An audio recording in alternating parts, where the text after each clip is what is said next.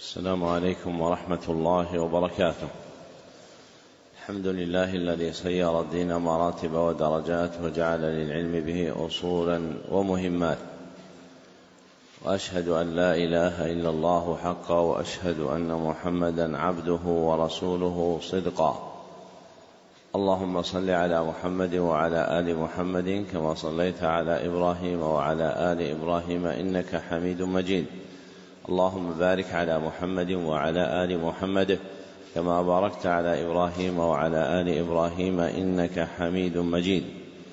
أما بعد فحدثني جماعة من الشيوخ وهو أول حديث سمعته منهم بإسناد كل إلى سفيان بن عيينة عن عمرو بن دينار عن أبي قابوس مولى عبد الله بن عمرو عن عبد الله بن عمرو بن العاص رضي الله عنهما عن رسول الله صلى الله عليه وسلم أنه قال الراحمون يرحمهم الرحمن ارحموا من في الأرض يرحمكم من في السماء.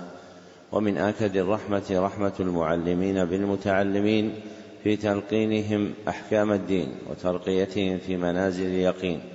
ومن طرائق رحمتهم إيقافهم على مهمات العلم بإقراء أصول المتون وبيان مقاصدها الكلية ومعانيها الإجمالية. ليستفتح بذلك المبتدئون تنقيهم ويجد فيه المتوسطون ما يذكرهم ويطلع منه المنتهون إلى تحقيق مسائل العلم. وهذا المجلس الثاني في شرح الكتاب الرابع عشر من برنامج مهمات العلم في سنته السابعة.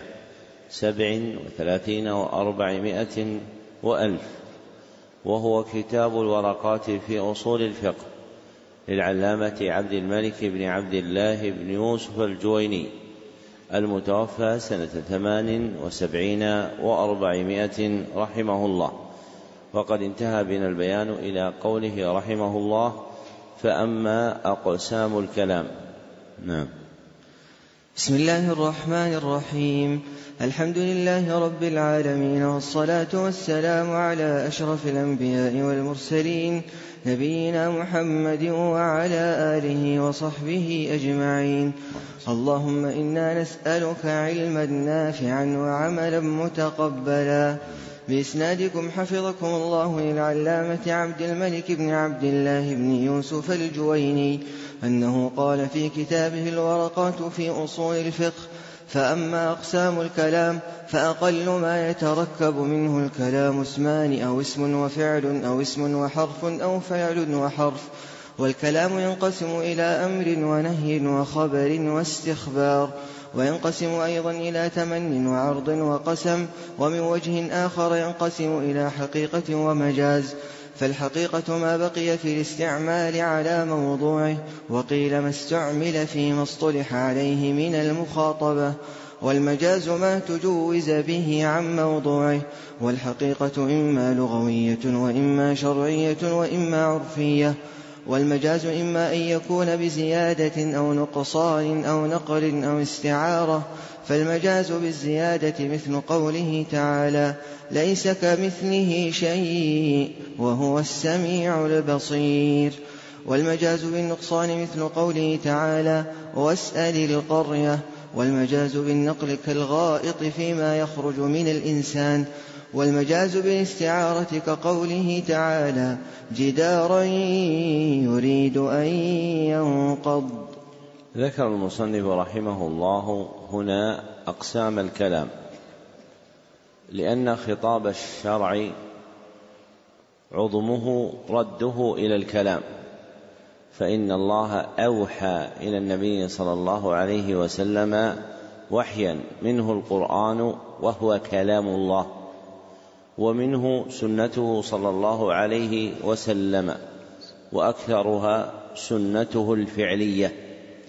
فلأجل هذا ذكر المصنف هنا نبذة من الأحكام المتعلقة بالكلام فقسم الكلام باعتبارات ثلاث. أولها تقسيم الكلام باعتبار ما يتركب منه.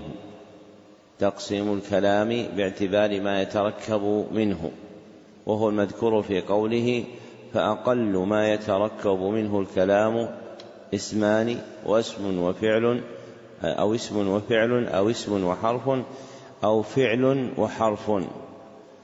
فمثال تركبه من اسمين قوله صلى الله عليه وسلم الدين النصيحة. ومثل تركبه من فعل واسم. قول الله تعالى جاء الحق فجاء فعل والحق سن ومثل تركبه من اسم وحرف قول يا رب فيا حرف نداء ورب اسم. ومثل ومثال تركبه من فعل وحرف قول ما قام فما حرف وقام فعل. والتحقيق أن النوعين الأخيرين يدخلهما التقدير. أن النوعين الأخيرين يدخلهما التقدير. فيؤولان بالقسمين الأولين. فيؤولان بالقسمين الأولين. فالمختار أن الكلام يتركب من اسمين أو اسم وحرف. أن الكلام يتركب من اسمين أو اسم وحرف وما خرج في ظاهره عن هذه الصورة فإنه يؤول بالرجوع إليه وما خرج في ظاهره عن هذه الصورة فإنه يؤول بالرجوع إليها. والثاني تقسيم الكلام باعتبار مدلوله تقسيم الكلام باعتبار مدلوله أي معناه وهو المذكور في قوله والكلام ينقسم إلى أمر ونهي وخبر استخبار وينقسم أيضا إلى تمن وعرض وقسم. فالمذكورات في هذه الجملة تتعلق بتقسيم الكلام باعتبار مدلوله الذي يدل عليه ويرشد إليه. والذي عليه المحققون جمع شتات هذه الأفراد المذكورة بردها إلى ما يقسم الكلام في مدلوله وأنه يقسم إلى نوعين أحدهما الخبر والآخر الإنشاء أحدهما الخبر والآخر الإنشاء والمشهور عند الأصوليين وغيرهم أن الخبر هو ما يحتمل الصدق والكذب لذاته. أن الخبر هو ما يحتمل الصدق والكذب لذاته. وأن الإنشاء ما لا يحتمل الصدق والخبر. ما لا يحتمل الصدق والخبر. ومن الأفراد المندرجة فيه الأمر والنهي والعرض والتمني والقسم وغير ذلك. وهذا الذي عليه أكثر المتكلمين في حقيقتهما من الأصوليين وغيرهم فيه نظر. أبداه ابن الشاط في تهذيب الفروق وغيره. استدعى عند تدقيق النظر القول بأن التحقيق في تعريف الخبر أنه قول يلزمه الصدق أو الكذب قول يلزمه الصدق أو الكذب. وأما الإنشاء فهو قول لا يلزمه الصدق ولا الكذب قول لا يلزمه الصدق ولا الكذب. والثالث تقسيم الكلام باعتبار استعماله وهو المذكور في قوله ومن وجه آخر ينقسم إلى حقيقة ومجاز. ثم عرف الحقيقة بتعريفين أحدهما ما بقي في الاستعمال على موضوعه ما بقي في الاستعمال على موضوعه أي على المعنى الذي وضع له أي على المعنى الذي وضع له. والثاني ما استعمل فيما اصطلح عليه من المخاطبة. ما استعمل فيما اصطلح عليه من المخاطبة. والتعريف الثاني كالبيان للأول. كالبيان للأول. لأن ما اصطلح عليه من المخاطبة هو الاستعمال.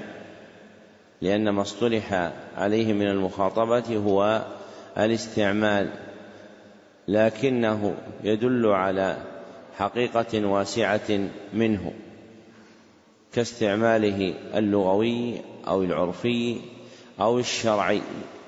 فالتعريف الثاني أوفى في بيان حد الحقيقة فيقال الحقيقة هي ما استعمل فيما اصطلح عليه من لسان المخاطبة ما استعمل فيما اصطلح عليه من لسان المخاطبة. فالوضع الذي وقع به التخاطب متعلقه الجماعة المخاطبون فما جرى وفق استعمالهم الذي تعارفوا عليه يسمى حقيقة. وذكر المجاز تعريفا واحدا أنه ما تجوز به عن موضوعه. أي عن المعنى الذي وضع له أي عن المعنى الذي وضع له. ولم يبين رحمه الله محل التجوز ولم يبين محل التجوز وهو الخروج به عما اصطلح عليه في لسان المخاطبة وهو الخروج به عما اصطلح عليه في لسان المخاطبة. فالمجاز اصطلاحا ما استعمل في غير ما اصطلح عليه في لسان المخاطبة. ما استعمل في غير ما اصطلح عليه في لسان المخاطبة. ثم ذكر قسمة الحقيقة إلى ثلاثة أقسام. فذكر أن الحقيقة إما لغوية وإما شرعية وإما عرفية. فالحقيقة اللغوية هي ما استعمل فيما اصطلح عليه من لسان المخاطبة في اللغة. ما استعمل فيما اصطلح عليه من لسان المخاطبة في اللغة. والحقيقة الشرعية ما استعمل فيما اصطلح عليه من المخاطبة في الشرع. ما استعمل فيما اصطلح عليه من لسان المخاطبة في الشرع. والحقيقة العرفية ما استعمل فيما اصطلح عليه من لسان المخاطبة في العرف. ثم أتبعها بقسمة المجاز فقال والمجاز إما أن يكون بزيادة أو نقصان. وهذه القسمة هي تقسيم للمجاز بالكلمة. تقسيم للمجاز بالكلمة فإن المجاز ينقسم إلى قسمين كبيرين ينقسم إلى قسمين كبيرين أحدهما المجاز الإسنادي المجاز الإسنادي وهو المتعلق بتركيب الكلام وهو المتعلق بتركيب الكلام. والآخر المجاز بالكلمة وهو المتعلق بكلمة بعينها وهو المتعلق بكلمة بعينها. وفيه أربعة أنواع هي المذكورة في كلام المصنف. فالمجاز بالكلمة وفق ما ذكره المصنف أربعة أنواع. الأول المجاز بالزيادة كقوله تعالى ليس كمثله شيء ومراده أن الكاف هنا زائدة فأصل الكلام ليس مثله شيء ليس مثله شيء. والداعي إلى زيادتها نفي وجود المثل والداعي إلى زيادتها نفي وجود المثل عند المحققين فإنه وإن كان ظاهرها تقدير الجملة بقولك ليس مثل مثله شيء لأن الكاف بمعنى مثل فإنه ليس المقصود نفي مثل المثل بل المقصود نفي المثل أصلا بأنه لا يتصور وجود مثل المثل لانتفاء وجود المثل. بأنه لا يتصور وجود مثل المثل لانتفاء المثل وهذا أصح ما قيل في معناها على هذا المذهب. والتحقيق أنه لا يقال في القرآن زائد. ذكره ابن هشام والزركشي في آخرين. فكل ما في القرآن مرصوف في مقامه اللائق به. ويكون ذكره صلة لتأكيد المعنى فيكون ذكره صلة لتأكيد المعنى. فالكاف في الآية السابقة ليس كمثله شيء صلة لتأكيد المعنى صلة لتأكيد المعنى.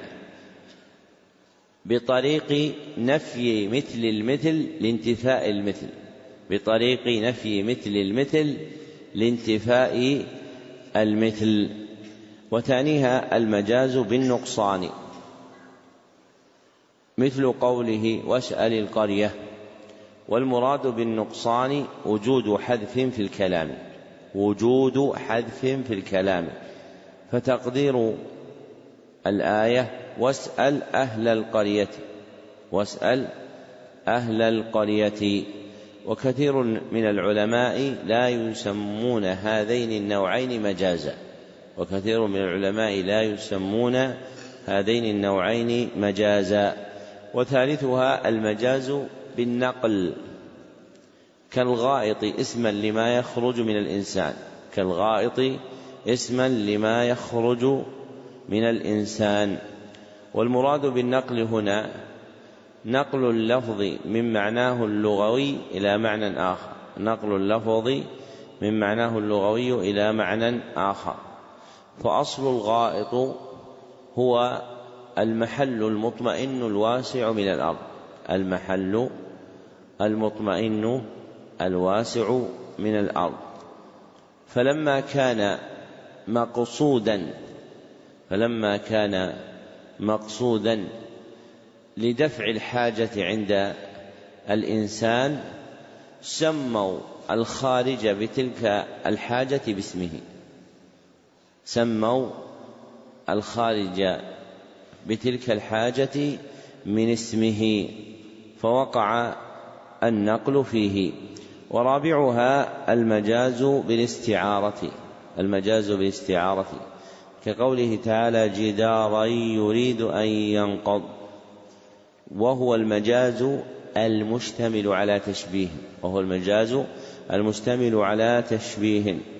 فمجاز الاستعارة يتضمن التشبيه. فمجاز الاستعارة يتضمن التشبيه. ففي الآية ذكر ميل الجدار بإرادته السقوط. ذكر ميل الجدار بإرادته السقوط. فكأنه شبه الجدار بالإنسان وأعطاه صفة من صفاته وهي الإرادة فإن الإرادة من صفات الإنسان خاصة والحي كله فشبه الجدار بحي كإنسان أو غيره وأعطاه صفته. والتحقيق أن المجاز بالكلمة ثلاثة أنواع. والتحقيق أن المجاز بالكلمة ثلاثة أنواع. هي المجاز بالزيادة والمجاز بالحذف والمجاز بالاستعارة. المجاز بالزيادة والمجاز بالحذف والمجاز بالاستعارة. وأما مجاز النقل فإنه يعمها وليس قسيما لها. فإنه يعمها وليس قسيما لها. فكل واحد من هذه الأنواع الثلاثة وقع فيه نقل حقيقة أو حكما. فكل نوع من هذه الأنواع الثلاثة وقع فيه نقل حقيقة أو حكما. وإثبات المجاز أو نفيه من المسائل الكبار التي حار فيها النظار. والمختار إثبات المجاز المقرون بقرينة إثبات المجاز المصحوب بقرينة. فإذا وجدت القرينة صح المجاز وإذا انتفت القرينة لم يصح المجاز. وهذا قول متوسط بين النفاة والمثبتة. ومن اشتد نفيه له فلوقوع استعماله في غير موضعه ومن اشتد نفيه له فلاستعماله في غير موضعه. بإثبات المجاز في محل لا قرينة تدل على صحته. باستعمال المجاز في محل لا تدل القرينة على صحته. بل الدلائل تبطل القول به. بل الدلائل تبطل القول به. كالجاري عند كثير من المتكلمين في معاني الصفات المخالفين أهل السنة والجماعة فإنهم تسلطوا بالمجاز على نفي الصفات فمنهم من تستر بها وجعلها سبيلا إلى طريقته في نفي الصفات ومنهم من يصرح بذلك فصار المجاز باعتبار هذا المحل طاغوتا كما قال ابن القيم رحمه الله تعالى. ووجه تقبيح استعماله في هذا المحل هو خلوه من القرينة وقيام الدليل على خلافه. فالإجماع منعقد على أن آيات الصفات وأحاديثها على الحقيقة. فالإجماع منعقد على أن آيات الصفات وأحاديثها على الحقيقة. ذكره أبو عمر بن عبد البر في كتاب التمهيد عن الصحابة والتابعين وسلف الأمة عن الصحابة والتابعين والسلف وسلف الأمة. فمثل هذا المحل يبطل فيه المجاز بلا مرية لمصادرته ما كان عليه الصحابة والتابعون وتابع التابعين رضي الله عنهم ورحمهم. وإذا أريد استعماله في غيره نظر في الاعتداد بالقرينة التي معه. هل هي منه أم ليست منه؟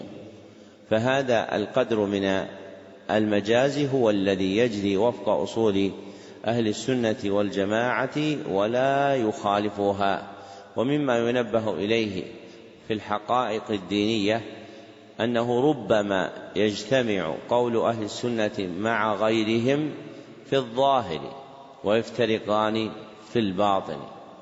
فمثلا يقول الخوارج في الإيمان إنه يزيد وينقص وهذا هو قول أهل السنة في ظاهر المعنى.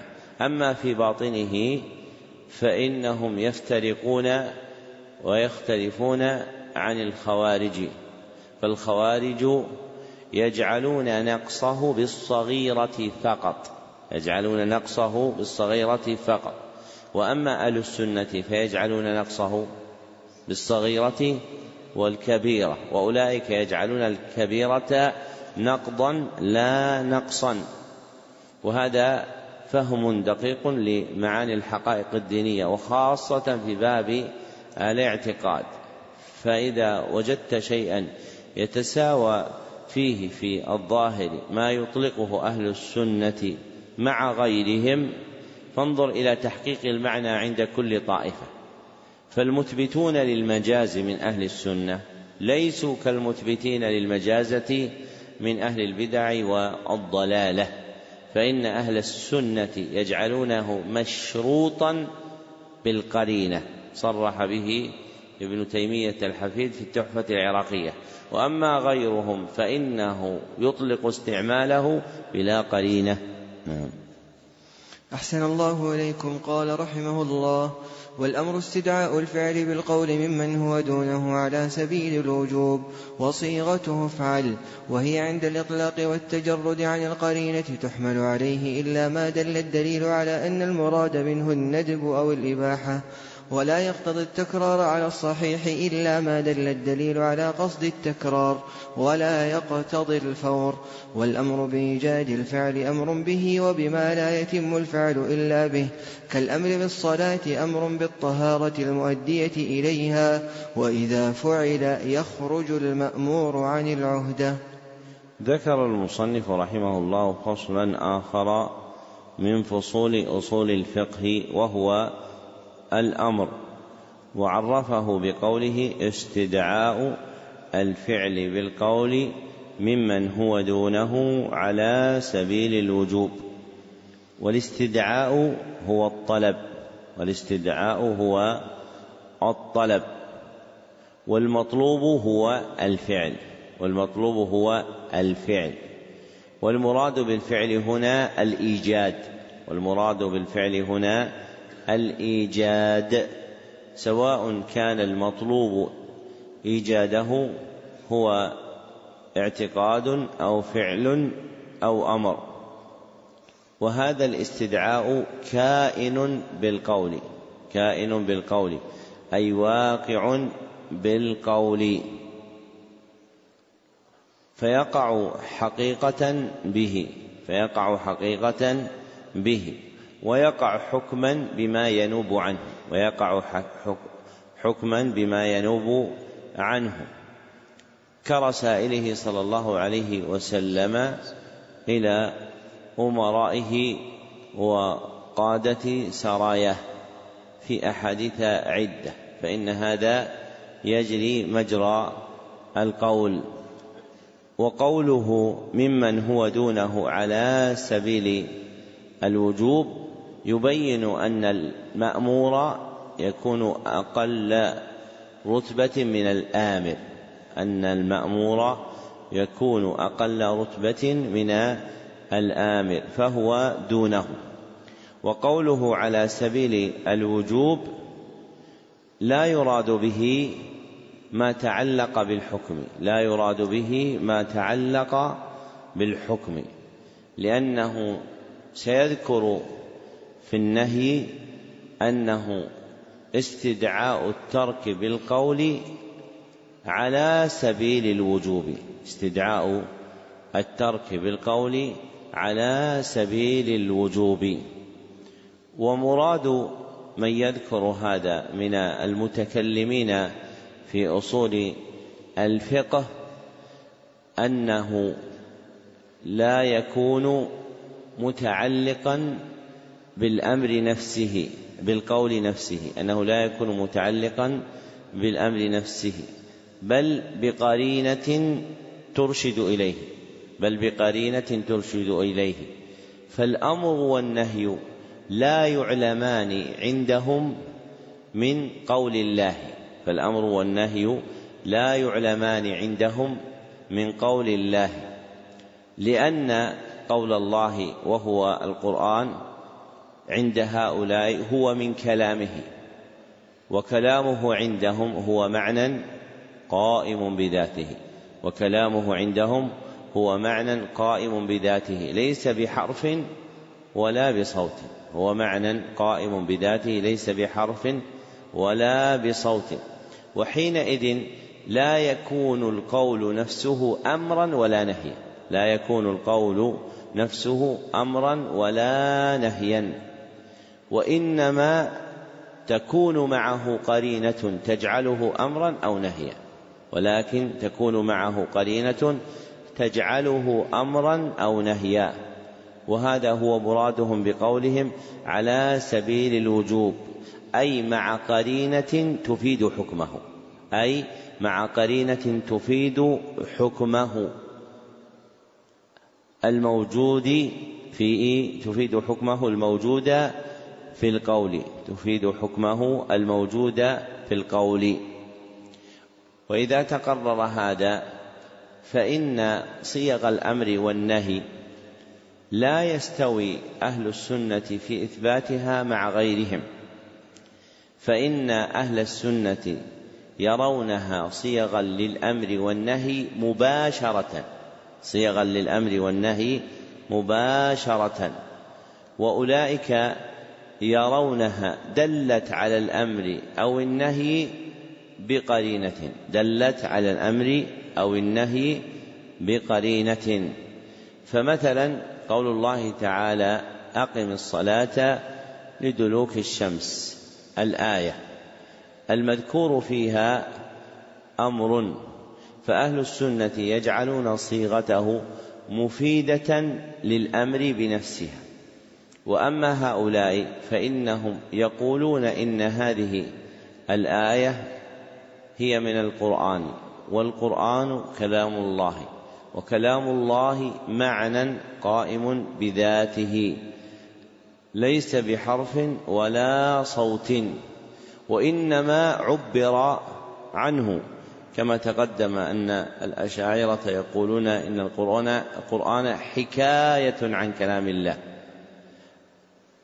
فالمذكور في الآية هو حكاية عن أمر الله.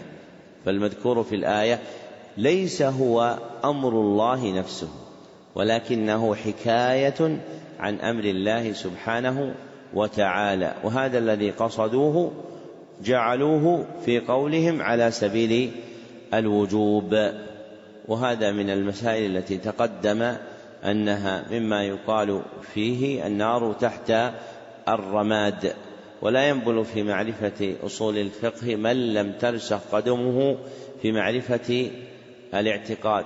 ففيه أشياء كثيرة جرت وفق قواعد المخالفين لأهل السنة من الأشاعرة والمعتزلة وغيرهم. والمختار أن الأمر هو الخطاب الشرعي الخطاب الشرعي المقتضي لطلب الفعل الخطاب الشرعي المقتضي لطلب الفعل. وأورد المصنف صيغته وأراد بها الصيغة الصريحة وأراد بها الصيغة الصريحة. فالأمر له نوعان من الصيغ له نوعان من الصيغ النوع الأول الصيغ الصريحة الصيغ الصريحة. وأمها افعل وأمها افعل ويشاركه غيره. مما جمعه شيخ شيوخنا حافظ الحكمي في وسيلة الوصول فقال وسيلة الحصول أربع ألفاظ بها الأمر دري. افعل لتفعل اسم فعل مصدري. أربع ألفاظ بها الأمر دري. افعل لتفعل اسم فعل مصدري. والآخر الصيغ غير الصريحة. الصيغ غير الصريحة. مما يدل على الطلب. مما يدل على الطلب. بغير صيغته الموضوعة له في اللغة. بغير صيغته الموضوعة له في اللغة. ككلمة حق. ككلمة حق. في قوله صلى الله عليه وسلم مثلا حق المسلم على المسلم. الحديث متفق عليه. فهذه الكلمة في وضع العرب لا تدل على الأمن. وأما في الوضع الشرعي فإنها تدل عليه. فتكون صيغة غير صريحة للأمر. ولأبي عبد الله ابن القيم في بدائع الفوائد والصنعاني في الشرح منظومته في أصول الفقه كلام نافع في بيان صيغ الأمر غير الصريحة كحق وعلى وكتب وغيرها. ثم ذكر المصنف أن هذه الصيغة عند الإطلاق والتجرد تحمل على الأمر إلا إذا قام الدليل على خلافه فصيغة إفعل للأمر وضعا وأنه لا يقتضي التكرار على الصحيح أي لا يطلب من الإنسان تكرار الأمر فعلا لا يطلب من الإنسان تكرار الأمر فعلا في المحل الواحد. ما لم يقم الدليل على طلب التكرار فيه ما لم يقم الدليل على طلب التكرار فيه. فإن لم يقم الدليل كان المطلوب منه واحدا. فإن لم يقم الدليل كان المطلوب منه واحدا. كقوله في الآية السابقة أقم الصلاة لدلوك الشمس. فالمطلوب منه عند دلوك الشمس أن يقيم الصلاة التي عند دلوك الشمس فقط. فإذا كرر طلب صلاة أخرى منه صلاها والصلوات خمس لا سادس لها ثم ذكر مسألة أخرى من مسائل الأمر وهي اقتضاؤه للفورية وهي اقتضاؤه للفورية. والفورية هي المبادرة إلى الفعل في أول وقت الإمكان. المبادرة إلى الفعل في أول وقت الإمكان. واختار أنه لا يقتضي الفورية. والصحيح أنه يقتضيها لاندراجه فيما أمرنا به شرعا من المسابقة والمسارعة.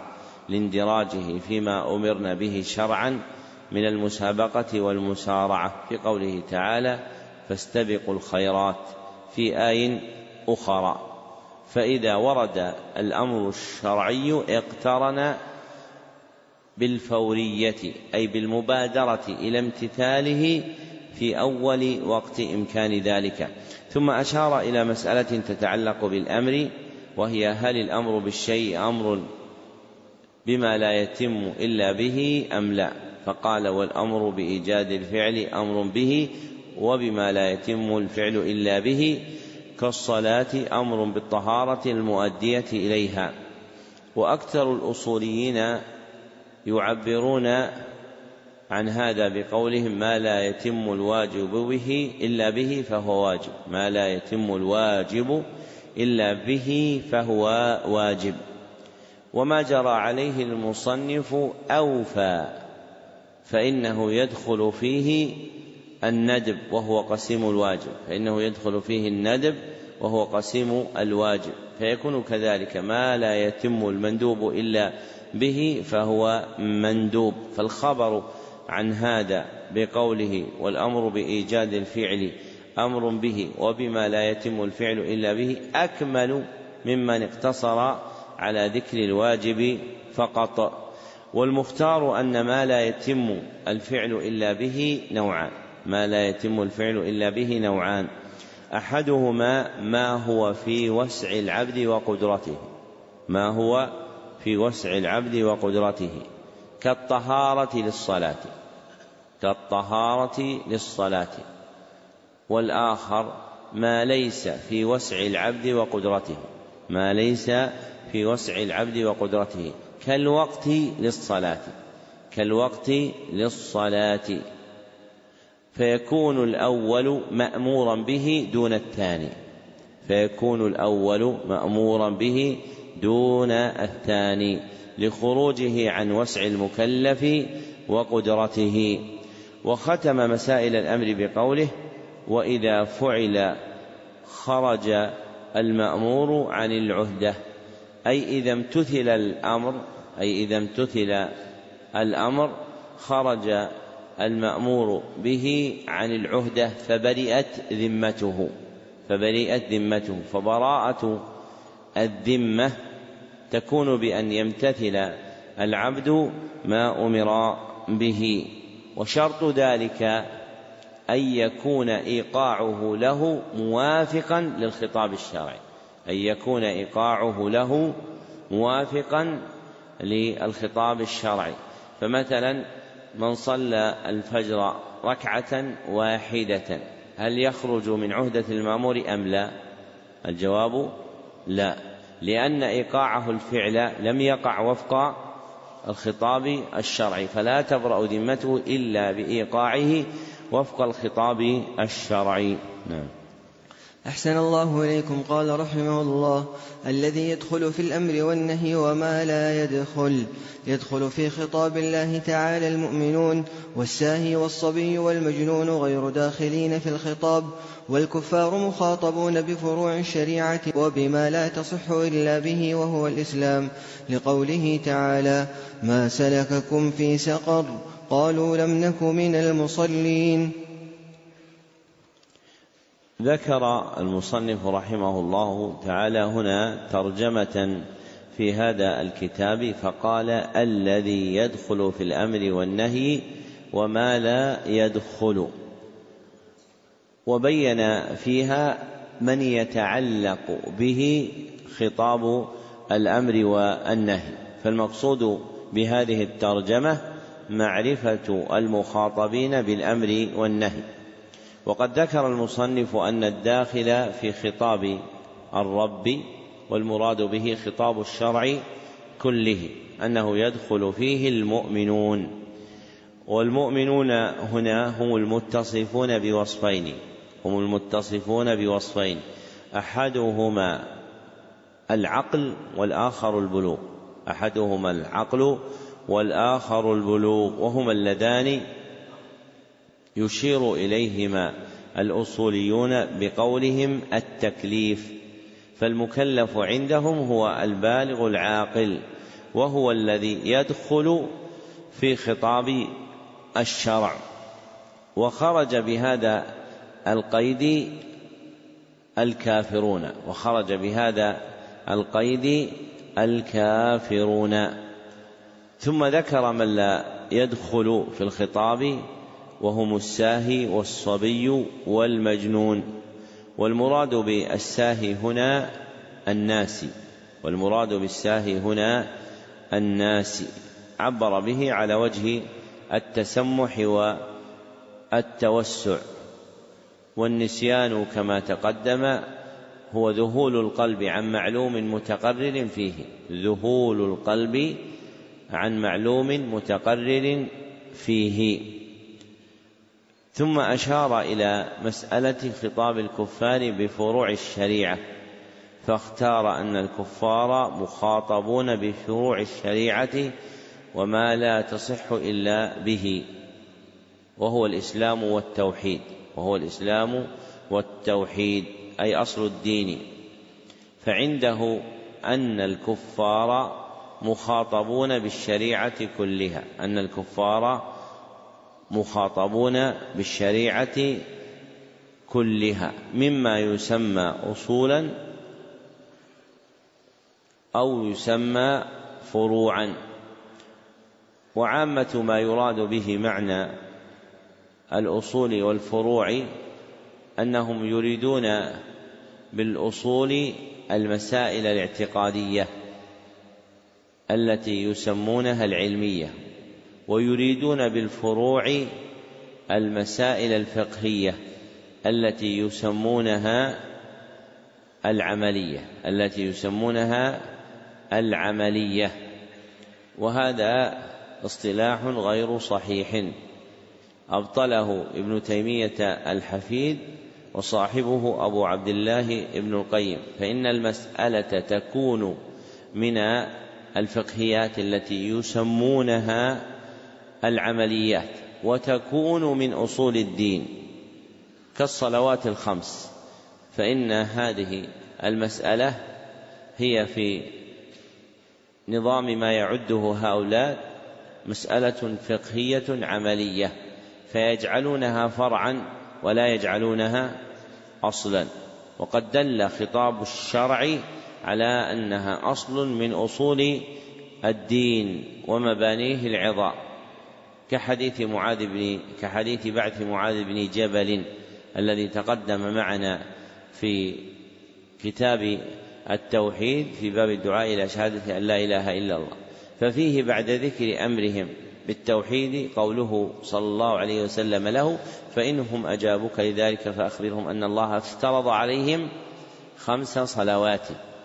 والمختار أن الأصول هي المسائل التي لا تقبل الاجتهاد. سواء كانت من باب العلميات أو من باب العمليات.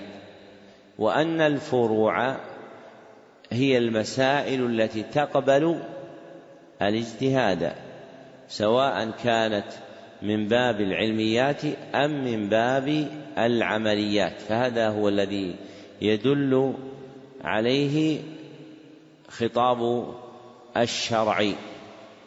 وأما ما يذكره أكثر الأصوليين من القسمة المعروفة على المعنى الذي تقدم فليس صحيحا وعليه إرادات ليس هذا محلها. وذكر المصنف رحمه الله تعالى في حاصل ما يتعلق بالأصول والفروع أن الكفار مخاطبون بالشريعة كلها وهذا هو القول الصحيح وهذا هو القول الصحيح. ثم قال المصنف والأمر نعم. قال رحمه الله والأمر بالشيء نهي عن ضده والنهي عن الشيء أمر بضده. ذكر المصنف رحمه الله هنا مسألة متعلقة بالأمر. وكان حريا أن يلحقها بما سبق من مباحثه ولعله أخرها لاتصالها بالنهي بعده. ولعله أخرها لاتصالها بالنهي بعده. ففيها فرع متعلق بالأمر وفرع متعلق بالنهي. وهي مسألة هل الأمر بالشيء نهي عن ضده والنهي وهل النهي عن الشيء أمر بضده أم لا؟ وقد صرح المصنف أن الأمر بالشيء نهي عن ضده أن الأمر بالشيء نهي عن ضده وأن النهي عن الشيء أمر بضده وأن النهي عن الشيء أمر بضده فالأمر عين النهي والنهي عين الأمر فالأمر عين النهي والنهي عين الأمر وهو مبني على اعتقاد الأشاعرة في القرآن وكلام الله وهو مبني على اعتقاد الأشاعرة في القرآن وكلام الله سبحانه وتعالى. فالأمر والنهي عندهم نفسيان لا حقيقيان. فالأمر والنهي عندهم نفسيان لا حقيقيان. فإن ما يثبتونه من معنى الكلام وأنهم قا وأنه قائم بذات الله يسمونه الكلام النفسي يسمونه الكلام النفسي. فيجعلون الأمر والنهي نفسيان أي متعلقان بأمر قائم في ذات الله سبحانه وتعالى. لا يدل عليه بحرف ولا صوت. وحينئذ فإن الأمر هو النهي. والنهي هو الأمر عند هؤلاء. وهذه المسألة هي التي ذكر فيها شيخ شيوخنا محمد الأمين أن النار تحت الرماد. في كتابه مذكرة في أصول الفقه. والصحيح أن الأمر بالشيء ليس عين النهي عن ضده. أن الأمر بالشيء ليس عين النهي عن ضده ولكنه يستلزمه. ولكنه يستلزمه.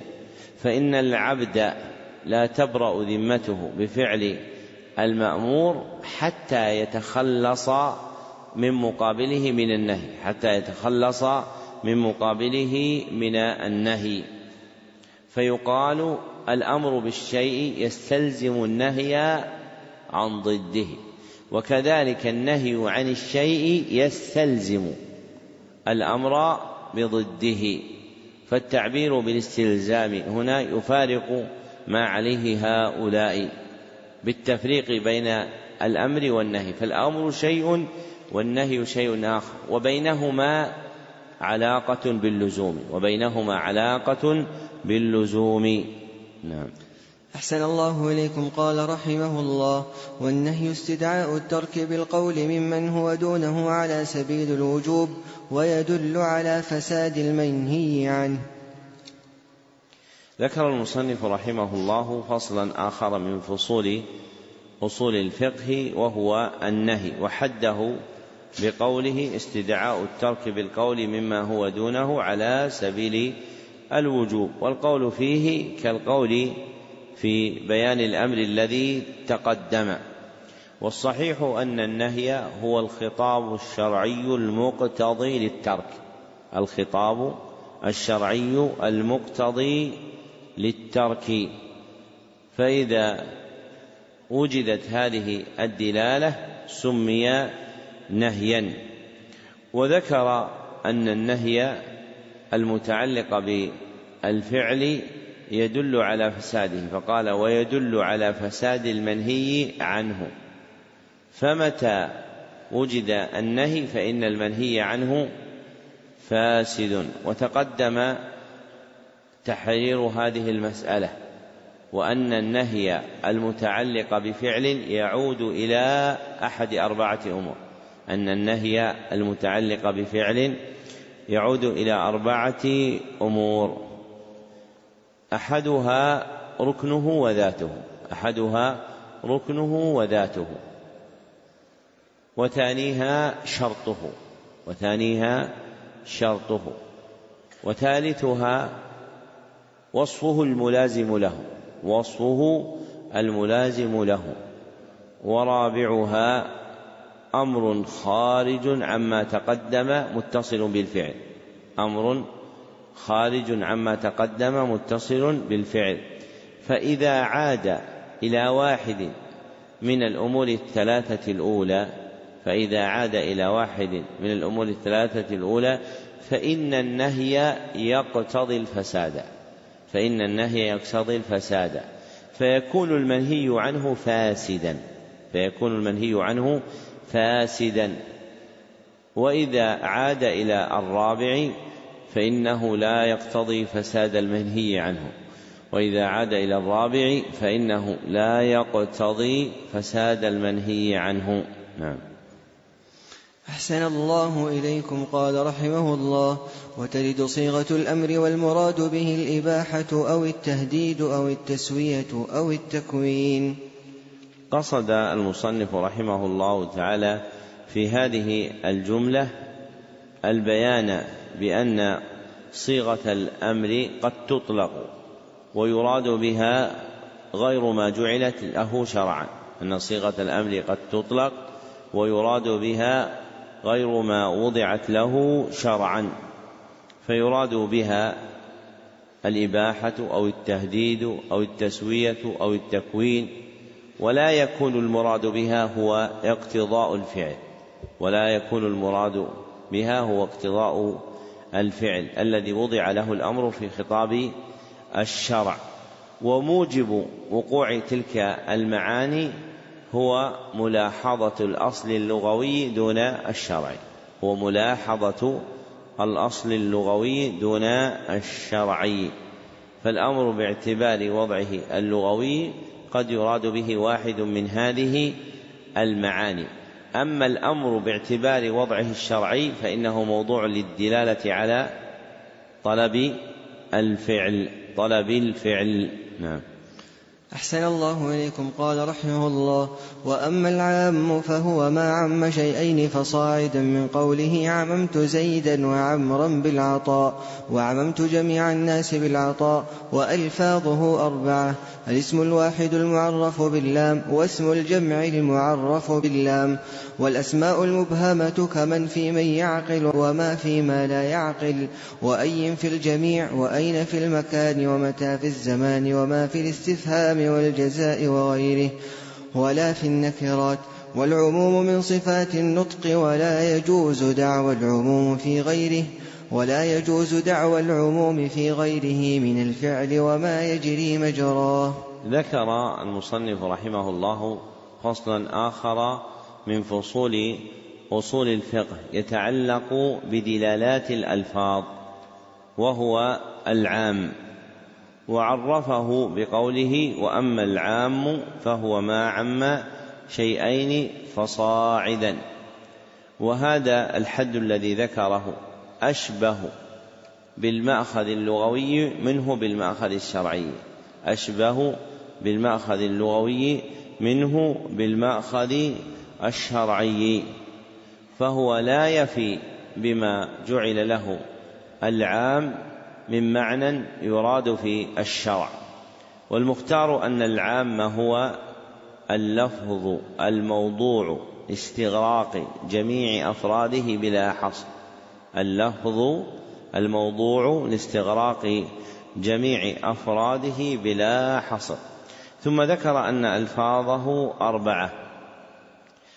والمراد بالألفاظ الصيغ فصيغ العموم التي ذكرها المصنف أربعة فالصيغة الأولى والثانية الاسم الواحد والجمع المعرفان باللام الاسم الواحد والجمع المعرفان باللام ومراده بالواحد المفرد وباسم الجمع ما دل على الجماعة.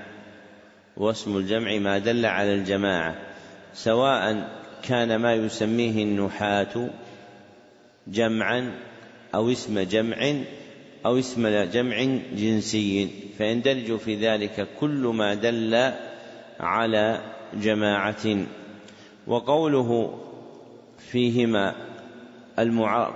وقوله في فيه المعرف باللام هذا على مذهب من يرى أن أداة التعريف أنها اللام فمن أهل العربية من يرى التعريف واقعا باللام ومنهم من يراها من يراه واقعا بالألف ومنهم من يراه واقعا بهما. والأكمل كما تقدم أنه واقع بأداة تدل عليه أنه واقع بأداة تدل عليه.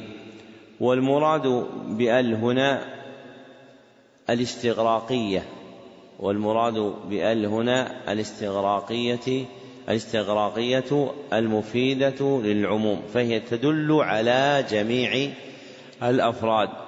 فالصيغتان الأوليان هما الاسم المفرد والجمع المسبوقان بأداة التعريف الدالة على استغراق المسبوقان بأداة التعريف الدالة على الاستغراق أي شمول جميع الأفراد أي شمول جميع الأفراد. والصيغة الثالثة الأسماء المبهمة الأسماء المبهمة كمن وما وأي. والمراد بالأسماء المبهمة ما لا يدل على معين ما لا يدل على معين. والصيغة الرابعة لا السابقة للنكرات لا السابقة للنكرات. فالنكرة المسبوقة بلا تكون موضوعة للعموم ولا المراد بها النافية. ثم ذكر من مسائل العموم أن العموم من صفات النطق أي القول. أي القول فإنه سيذكر فيما يستقدم قوله ونعني بالنطق قول الله وقول رسوله صلى الله عليه وسلم. فمحل العموم هو القول فقط ولهذا قال ولا يجوز دعوى العموم في غيره من الفعل وما يجري مجراه. ولا يجوز دعوى العموم في غيره من الفعل وما يجري مجراه. فالعموم من صفات النطق أي وصف يتعلق بالقول دون الفعل وما يجري مجراه. والمراد بما يجري مجرى الفعل القضايا المعينة القضايا المعينة كالحكم لشخص دون آخر كالحكم لشخص دون آخر مما ورد في نصوص الشرع. والقول بأن العموم لا يجري في الأفعال قول مشهور عند الأصوليين. وذهب بعض المحققين إلى التفريق بين الفعل المثبت والفعل المنفي. إلى التفريق بين الفعل المثبت والفعل المنفي. وأن الفعل المثبت لا يجري فيه العموم. وأن الفعل المثبت لا يجري فيه العموم. أما الفعل المنفي فإنه تصح فيه دعوى العموم. فإنه تصح فيه دعوى العموم وهذا هو قول المحققين. ومنهم شيخ شيوخنا محمد الأمين ابن ابن محمد المختار الشنقيطي. فإذا وقع الفعل على وجه النفي فإنه يكون عاما لأن الفعل يستكن فيه لأن الفعل يستكن فيه زمن وحدث يدلان عند النفي على إرادة العموم. كقول جابر رضي الله عنه ما صلى النبي صلى الله عليه وسلم قبل العيد شيئا فإنه يشمل أنه لم يصلي في بيته ولا صلى صلى الله عليه وسلم في المصلى لما قصده فلم يقدم بين يدي صلاة العيد نافلة. وما جرى مجرى هذا الحديث من الأحاديث المروية عن النبي صلى الله عليه وسلم.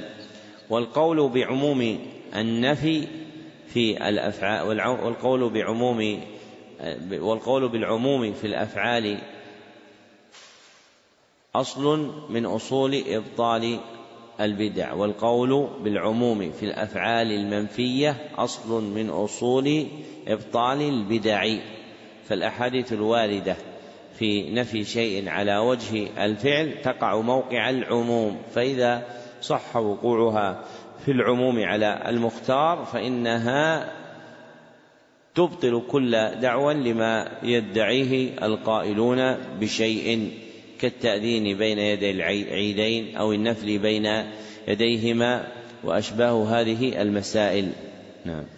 أحسن الله إليكم قال رحمه الله والخاص يقابل العام والتخصيص تمييز بعض الجملة وهو ينقسم إلى متصل ومنفصل فالمتصل الاستثناء والتقييد بالشرط والتقييد بالصفة والاستثناء إخراج ما لولاه لدخل في الكلام وإنما يصح بشرط أن يبقى من المستثنى منه شيء.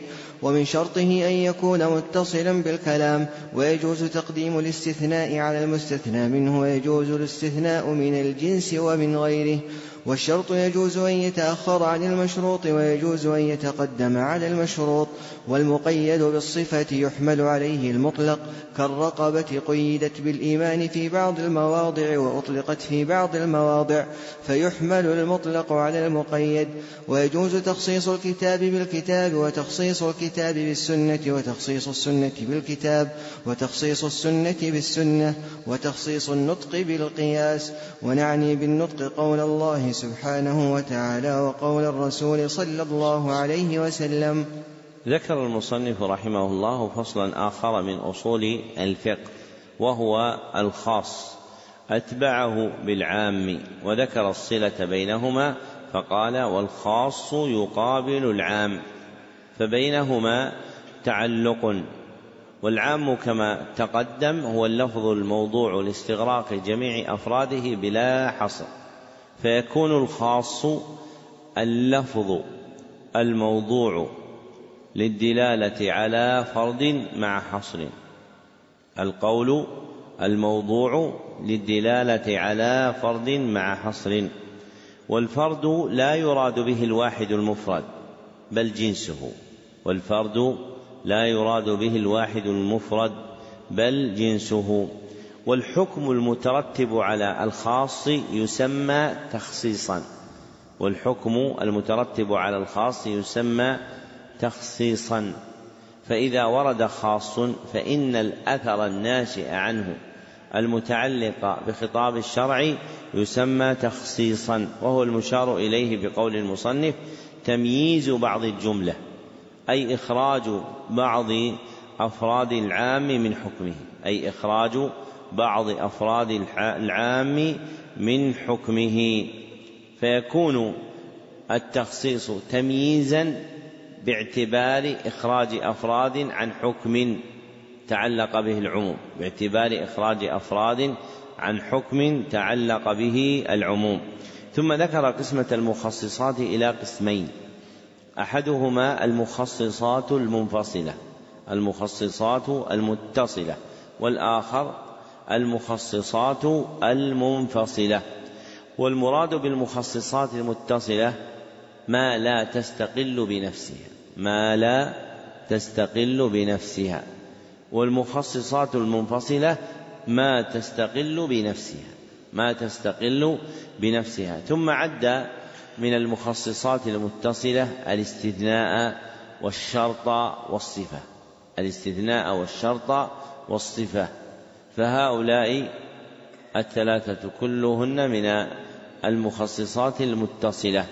وذكر حد الأول فقال في بيان حده والاستثناء إخراج ما لولاه لدخل في الكلام فالاستثناء إخراج ما لولاه لدخل في الكلام ويزاد على ما ذكره بأداة مخصوصة بأداة مخصوصة وهذه الأداة هي إلا أو إحدى أخواتها هي إلا أو إحدى أخواتها وهو المشهور عند النحاة والأصوليين عند ذكر أداة الاستثناء. ونبه ابن هشام رحمه الله على أن الاستثناء قد يقع في خطاب الشرع بغير ما اصطلح عليه النحاة والأصوليون. كوقوعه بقول إن شاء الله.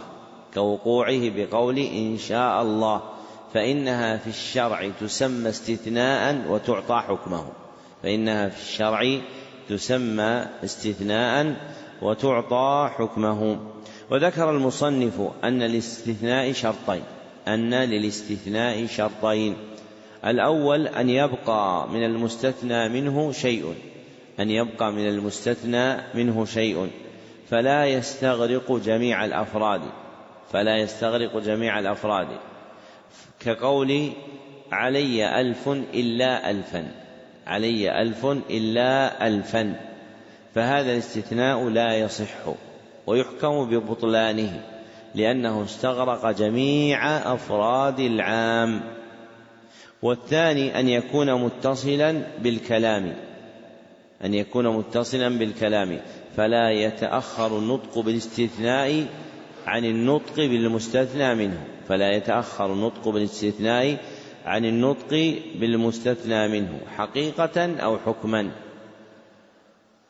فيذكر عدم التأخير مجزوما به على وجه الحقيقة أو يعطى حكم الحقيقة. ثم ذكر أنه يجوز تقديم الاستثناء على المستثنى منه.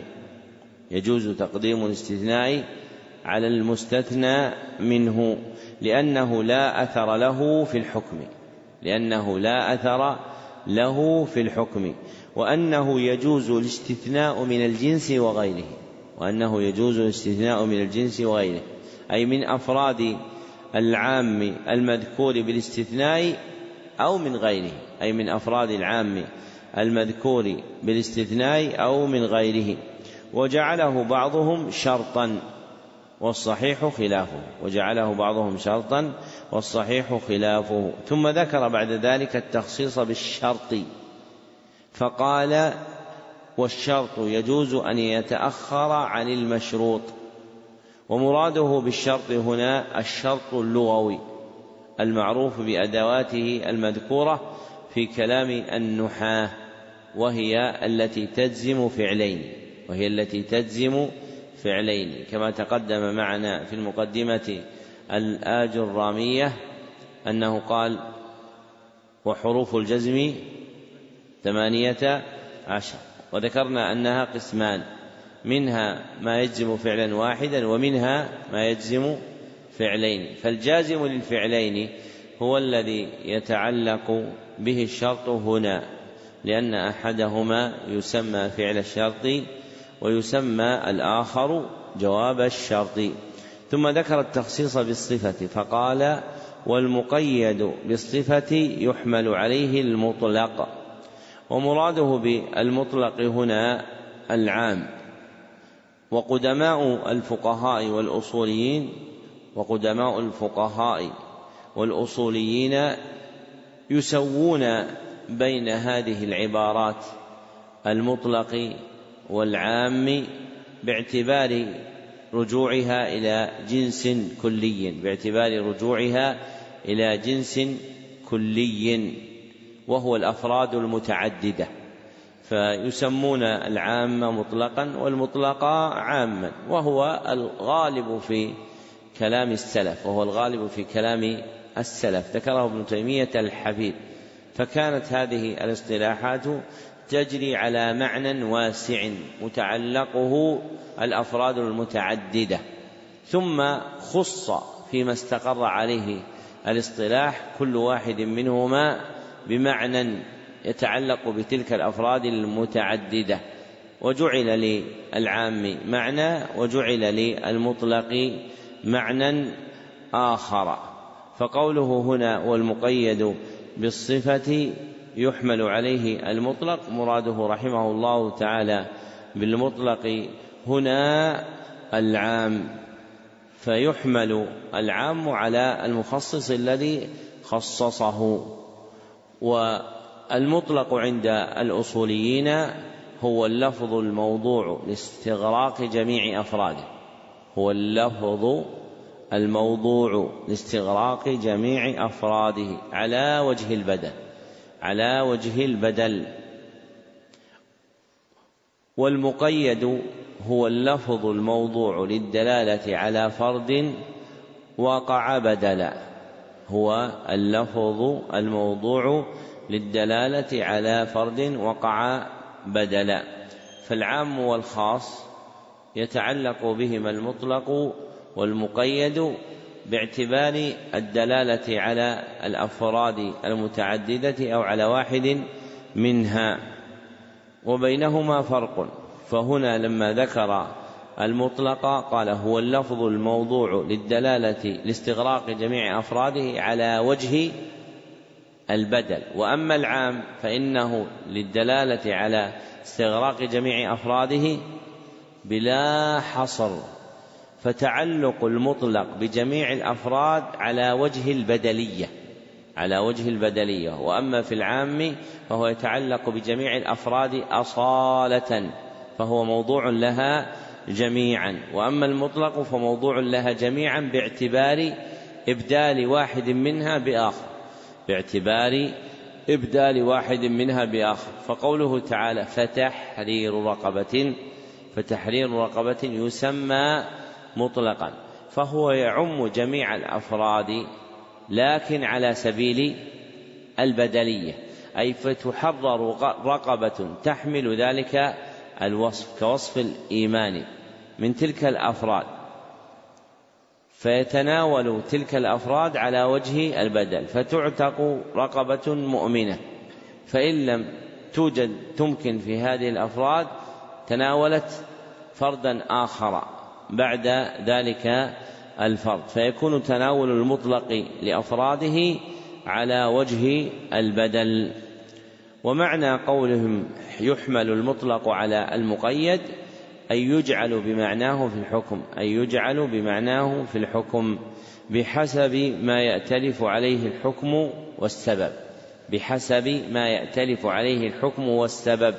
اتحادا وافتراقا.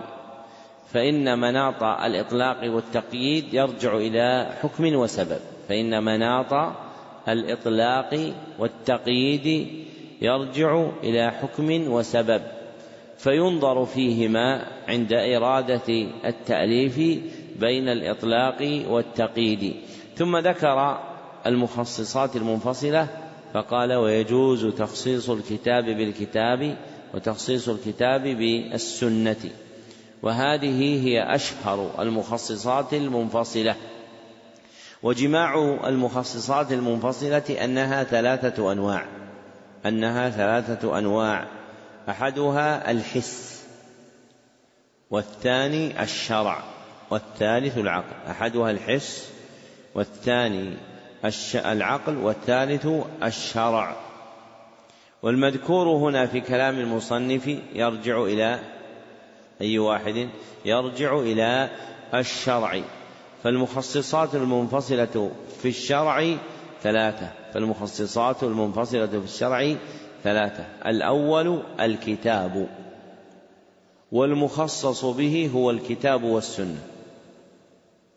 المخصص الأول الكتاب.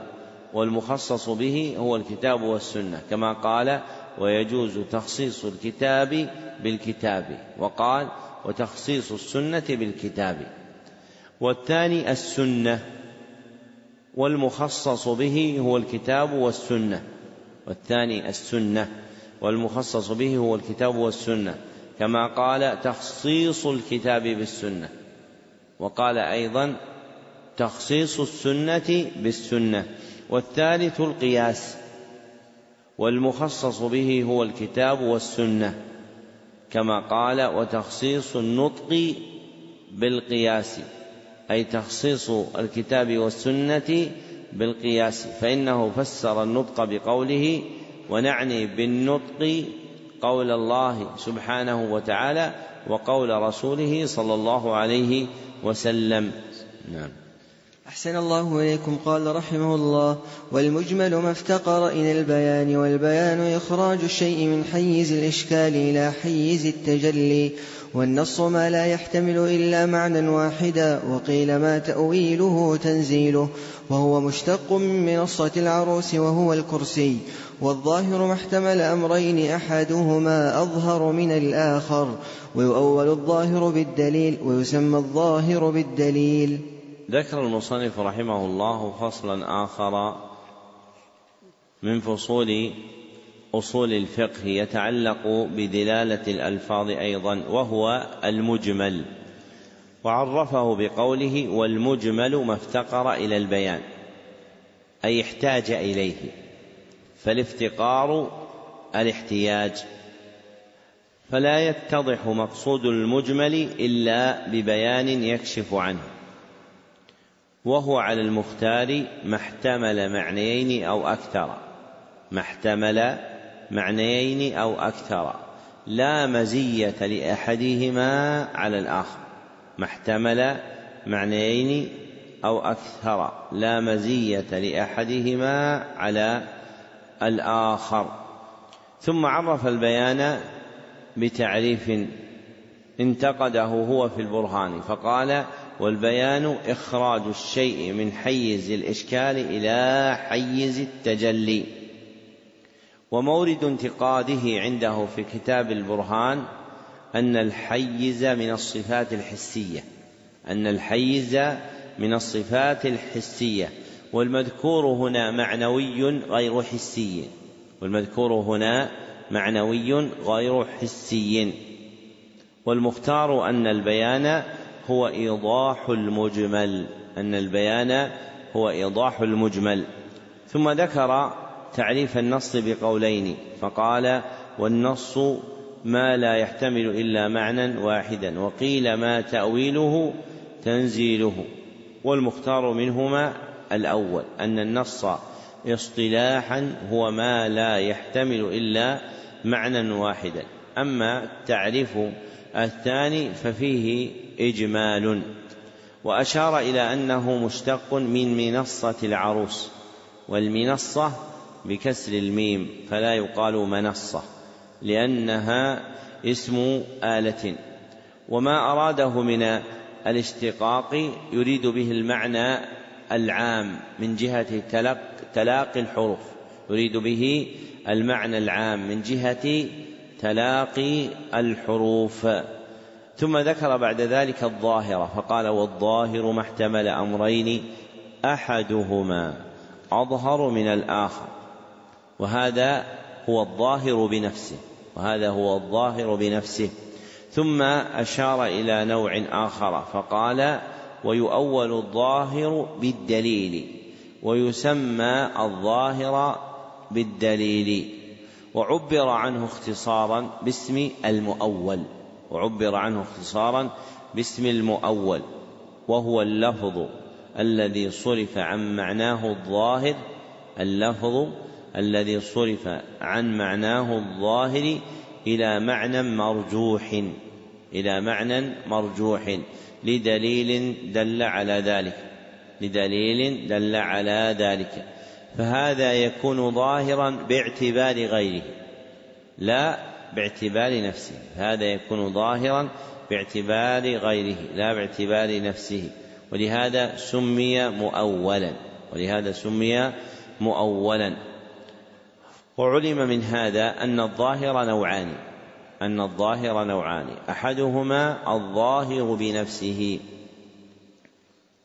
وهو ما احتمل معنيين أحدهما أرجح من الآخر. ما احتمل معنيين أحدهما أرجح من الآخر والثاني الظاهر بغيره الظاهر بغيره وهو ما احتمل معنيين أحدهما أظهر من الآخر لقرينة ما احتمل معنيين أحدهما أظهر من الآخر لقرينة خارجية لقرينة خارجية ويسمى مؤولا. نعم. أحسن الله إليكم. قال رحمه الله الأفعال.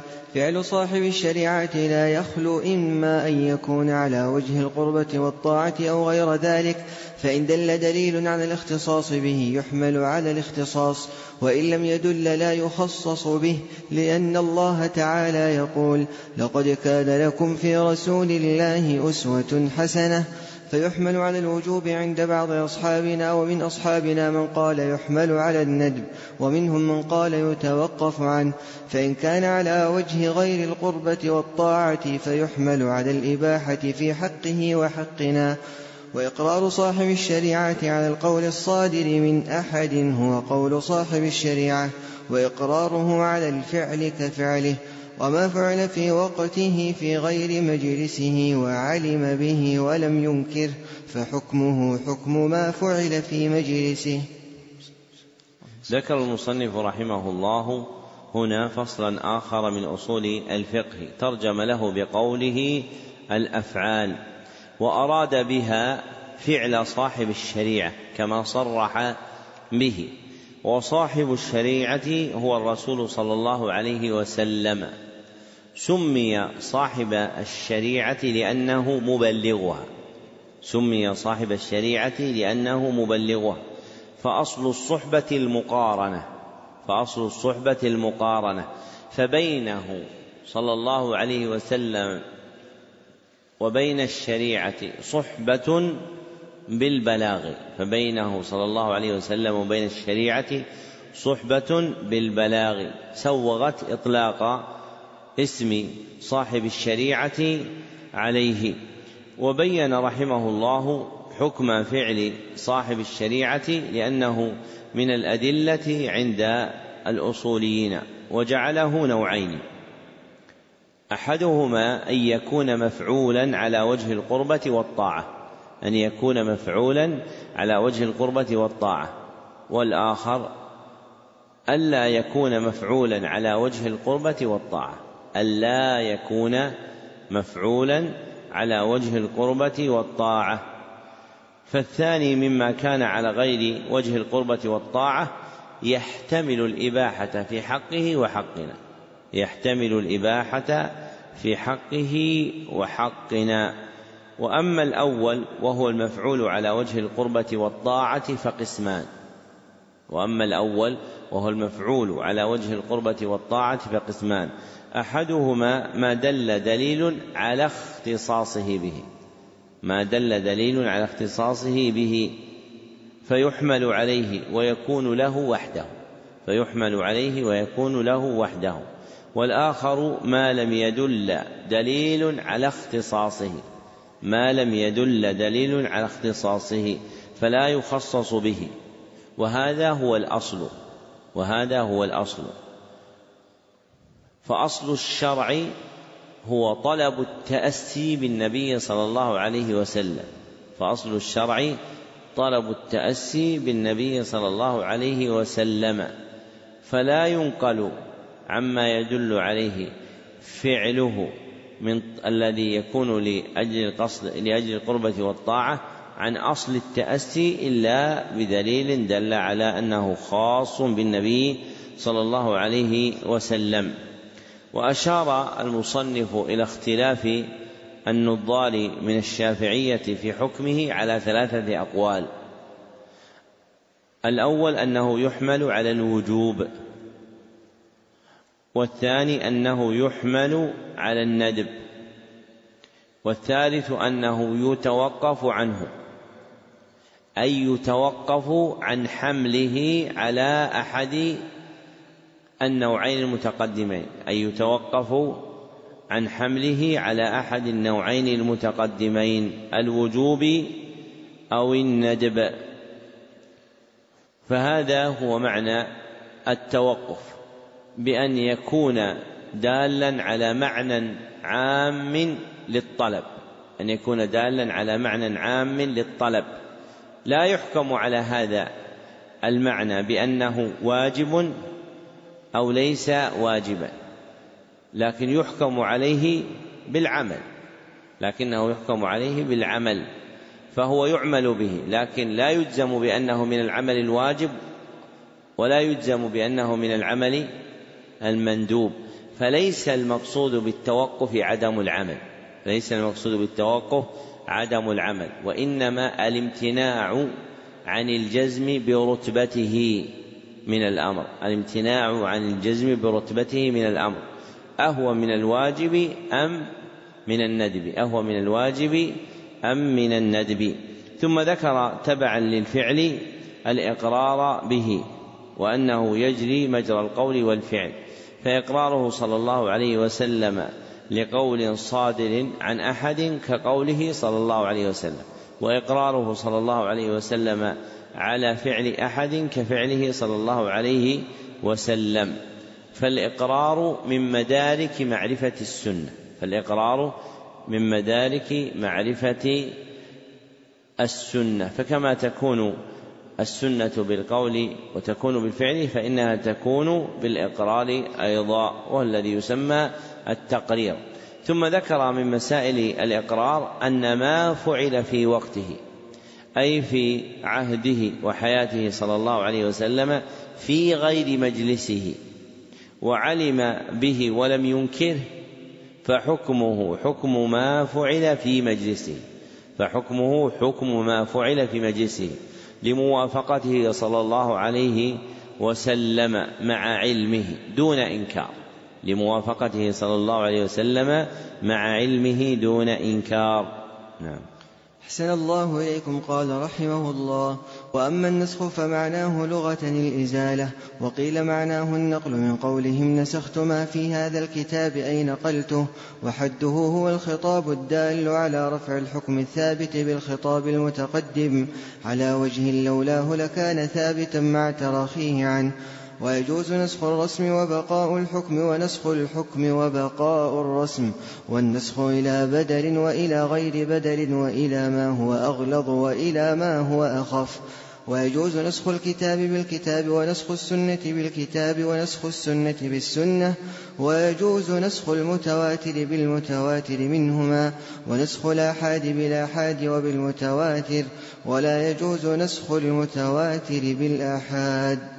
ذكر المصنف رحمه الله هنا فصلا آخر من فصول أصول الفقه هو النسخ وعرفه لغة بتعريفين. أحدهما النقل والآخر الإزالة وقدم الأول مشعرا بميله إليه ولا سيما مع قوله في الثاني وقيل معناه النقل فكأنه يرى القول بأن حده في اللغة النقل قولا مؤخرا في الرتبة عن سابقه والنسخ مختلف القياس كما قال ابن فارس في مقاييس اللغة وجمهور معانيه فيها يرجع إلى الرفع فجمهور معانيه يرجع إلى الرفع. فما ذكره الجويني من إزالة ونقل يرجعان إلى الرفع وجمهور معانيه ترجع إلى الرفع. فما ذكره الجويني من الإزالة والنقل يرجعان إلى الرفع. فأصل النسخ في كلام العرب مبني على الرفع ثم أتبعه بتعريف الاصطلاح فقال حده هو الخطاب الدال إلى آخر ما ذكره. وهذا الذي ذكره في تعريف النسخ هو تعريف للناسخ وهذا الذي ذكره في تعريف النسخ هو تعريف للناسخ. فالخطاب الدال على رفع الحكم الثابت بالخطاب المتقدم يصدق على الناسخ ولا يصدق على النسخ. فالناسخ هو موجب النسخ والنسخ هو حكمه ولا يختص برفع الحكم الثابت في الخطاب المتقدم. ومراده بالثبوت في قوله لكان ثابتا بقاء العمل به. ومراده بالثبوت في قوله لكان ثابتا بقاء العمل به. والمختار أن النسخ هو رفع الخطاب الشرعي. رفع الخطاب الشرعي. أو حكمه الثابت به. أو حكمه الثابت به أو هما معا رفع الخطاب الشرعي أو حكمه الثابت به أو هما معا بخطاب شرعي متراخٍ بخطاب شرعي متراخ. فالمرفوع هو الخطاب الشرعي أو حكمه الثابت به أو هما معا. فتارة يرجع الرفع إلى الخطاب وهو لفظ خطاب الشرع أو إلى حكمه الذي ثبت بخطاب الشرع أو إليهما معا فيرفع الخطاب والحكم. والرافع هو خطاب شرعي آخر. والرافع هو خطاب شرعي آخر. وشرطه تأخر الخطاب الشرعي الرافع. وشرطه تأخر الخطاب الشرعي الرافع. وهذا معنى قولنا متراخ أي متأخر عن ذلك الخطاب الذي تقدمه. ثم ذكر أقسام النسخ باعتبار متعلقه في قوله ويجوز نسخ الرسم وبقاء الحكم إلى آخره. فالنسخ بهذا الاعتبار نوعان. فالنسخ بهذا الاعتبار نوعان. أحدهما نسخ الرسم وبقاء الحكم. نسخ الرسم وبقاء الحكم. والآخر نسخ الحكم وبقاء الرسم. نسخ الحكم وبقاء الرسم. ولهما قرين ثالث هو نسخ الحكم والرسم معا. نسخ الحكم والرسم معا. والمراد بالرسم لفظ خطاب الشرع. من آية أو حديث. لفظ خطاب الشرع من آية أو حديث. وأصل الرسم هو الكتابة. وأصل الرسم هو الكتابة فلما كتب خطاب الشريعة أطلق عليه رسما ثم ذكر أقسام النسخ باعتبار المنسوخ إليه. أقسام النسخ باعتبار المنسوخ إليه. فقال والنسخ إلى بدل وإلى غير بدل إلى آخره. فالمنسوخ إليه قسمان. أحدهما منسوخ إلى غير بدل. لا في رسمه ولا في حكمه منسوخ إلى غير بدل لا في رسمه ولا في حكمه. والآخر منسوخ إلى بدل منسوخ إلى بدل في رسمه وحكمه معا في رسمه وحكمه معا. أو في الرسم فقط أو في الحكم فقط أو في الرسم فقط أو في الحكم فقط. والمنسوخ إلى بدل في حكمه له قسمان. والمنسوخ إلى بدل في حكمه له قسمان. أحدهما منسوخ إلى بدل أغلظ. منسوخ إلى بدل أغلظ. والآخر منسوخ إلى بدل أخف. منسوخ إلى بدل أخف. وتقتضي القسمة العقلية بقاء نوع ثالث. وهو النسخ إلى إلى بدل مساو. النسخ إلى بدل مساو. كالواقع شرعا في استقبال الكعبة بدل استقبال بيت المقدس بدل استقبال بيت المقدس. ثم ذكر أقسام النسخ باعتبار الناسخ فقال ويجوز نسخ الكتاب بالكتاب ونسخ السنة بالكتاب ونسخ السنة بالسنة. ثم قال ويجوز نسخ المتواتر بالمتواتر منهما ونسخ الآحاد بالآحاد والمتواتر ولا يجوز نسخ المتواتر بالآحاد. وكلاهما تقسيم للناسخ. هي في الأول منهما باعتبار نوعه وفي الثاني منهما باعتبار قوة دلالته. فالناسخ باعتبار نوعه ينقسم إلى نوعين. فالناسخ باعتبار نوعه ينقسم إلى نوعين. الأول ناسخ من الكتاب. ناسخ من الكتاب. وينسخ الكتاب والسنة. والثاني ناسخ من السنة. وينسخ السنة فقط.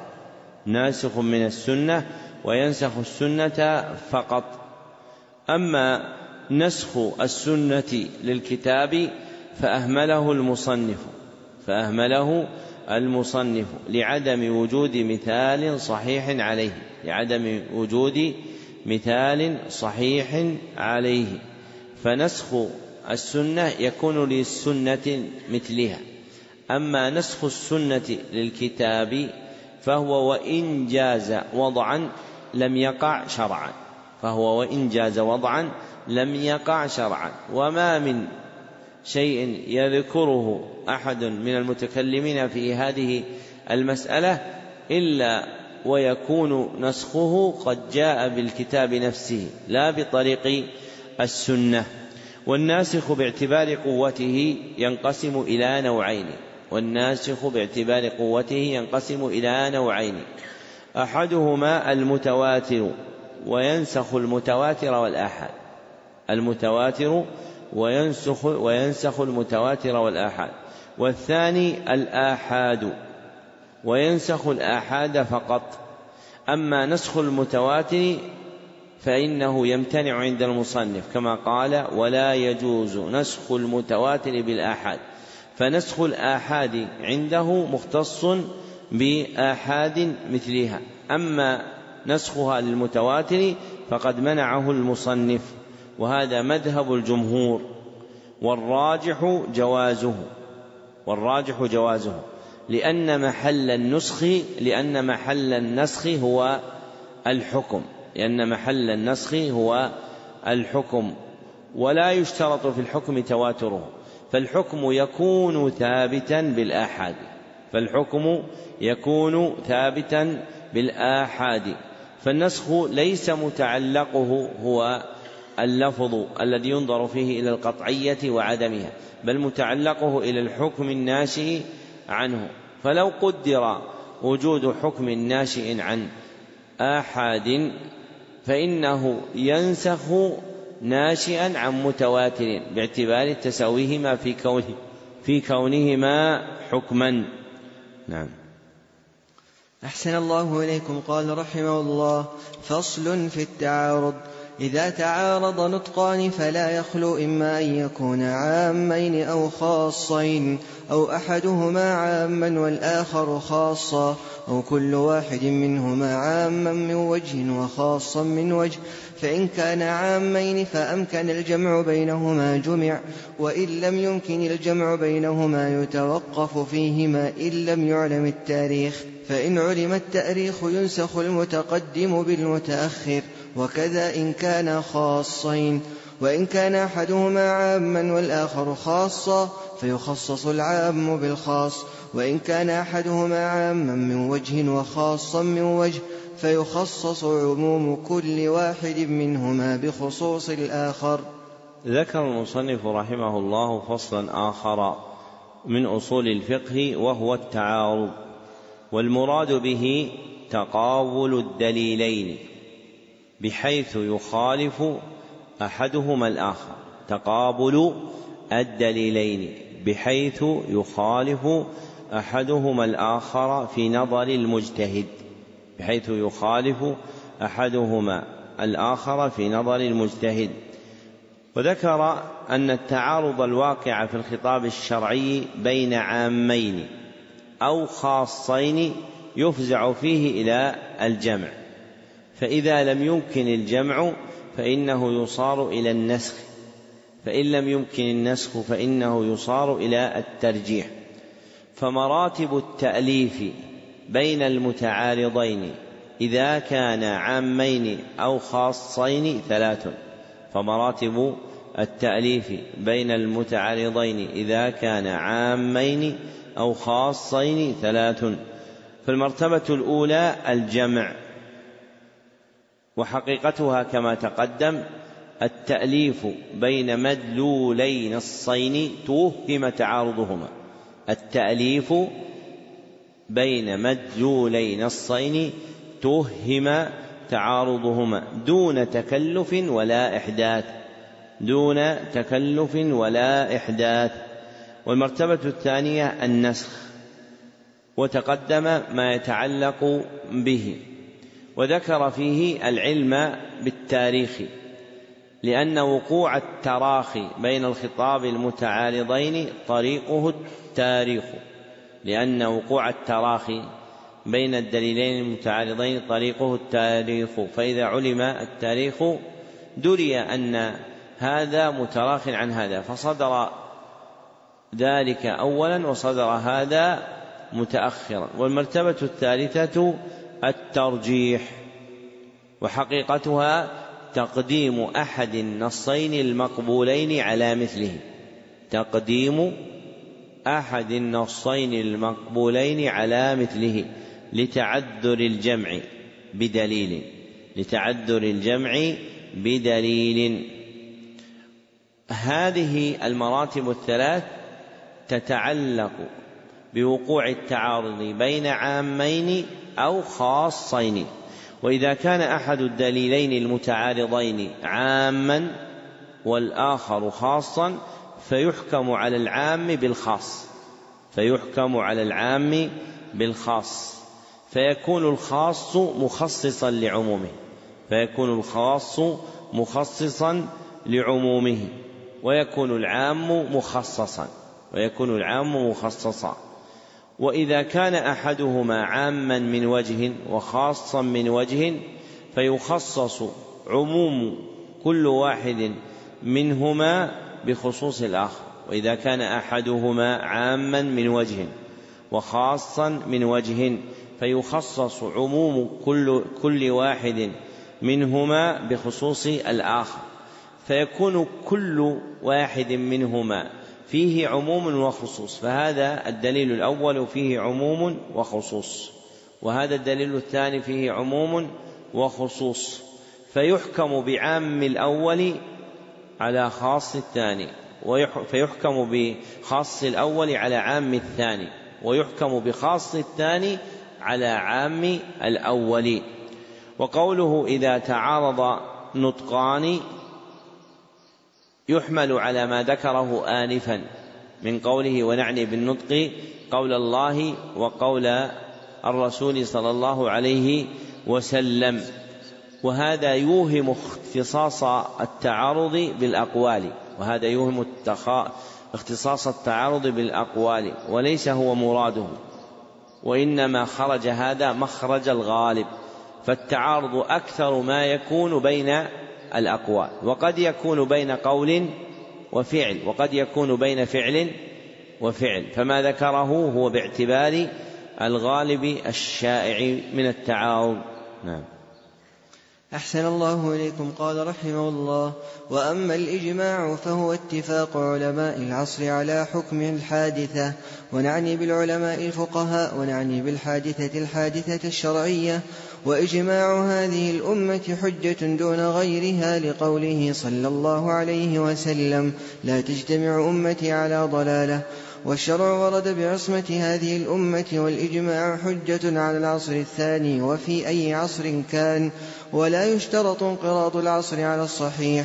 فإن قلنا انقراض العصر شرط يعتبر قول من ولد في حياتهم وتفقه وصار من أهل الاجتهاد ولهم أن يرجعوا عن ذلك الحكم. والإجماع يصح بقولهم وبفعلهم وبقول البعض وبفعل البعض وانتشار ذلك وسكوت الباقين عنه. ذكر المصنف رحمه الله هنا فصلا آخر من أصول الفقه وهو الإجماع وعرفه بقوله اتفاق علماء العصر على حكم الحادثة. فحقيقة الإجماع قائمة على ثلاثة أصول. أولها أنه اتفاق أنه اتفاق. وثانيها أن أهله المنسوب إليهم هذا الاتفاق هو هم العلماء. أن أهله المنسوب إليهم هذا الاتفاق هم العلماء. وأراد منهم وأراد بهم الفقهاء كما قال ونعني بالعلماء الفقهاء لأن الأحكام الشرعية الطلبية ترجع إلى علم إيش؟ الفقه. وثالثه ثالثها أن مورده حادثة أي مسألة شرعية. أن مولده حادثة أي مسألة شرعية. والأظهر أنه لا بد من زيادة قيد فيه وهو وقوعه بعد وفاة النبي صلى الله عليه وسلم. وقوعه بعد وفاة النبي صلى الله عليه وسلم. إذ وجوده صلى الله عليه وسلم مغن عن طلب اتفاق غيره. إذ وجوده صلى الله عليه وسلم مغن عن اتفاق عن طلب اتفاق غيره. فالمختار أن الإجماع هو اتفاق مجتهدي عصر من عصور أمة محمد صلى الله عليه وسلم. اتفاق مجتهدي عصر من عصور أمة محمد صلى الله عليه وسلم بعد وفاته على حكم شرعي. بعد وفاته على حكم شرعي. ثم ذكر أن من قواعد الإجماع أن الإجماع حجة على العصر الثاني أي التالي له أي التالي له الجاء بعده. وعلى كل عصر كائن بعده وعلى كل عصر كائن بعده. ثم ذكر من قواعده أنه لا يشترط انقراض العصر على الصحيح أي لا يشترط انقراض المجتهدين الذين انعقد بهم الإجماع أي لا يشترط انقراض المجتهدين الذين انعقد بهم الإجماع. والمراد بالانقراض موتهم وذهاب أعيانهم والمراد بالانقراض موتهم وذهاب أعيانهم. ثم ذكر أن انعقاد الإجماع يكون بالقول والفعل تارة باجتماعهما فيعلم الإجماع بطريق القول وبطريق الفعل وتارة بقول بعض المجتهدين وفعل بقيتهم وتارة بقول بعض المجتهدين وفعل بقيتهم. وتارة بانتشار الحكم به عن بعضهم وسكوت الباقين عنهم وتارة بانتشار الحكم به عن بعضهم وسكوت الباقين عنه وهو الذي يسمى الإجماع السكوتي وهو الذي يسمى الإجماع السكوتي. فحقيقته أن يذكر الحكم مجتهد أو أكثر. ثم يسكت عنه غيره ثم يسكت عنه غيره وهو حجة على الصحيح وهو حجة على الصحيح. نعم. أحسن الله إليكم. قال رحمه الله وقول الواحد من الصحابة ليس بحجة على غيره على القول الجديد. ذكر المصنف رحمه الله فصلا آخر. من من أصول الفقه هو قول الصحابي.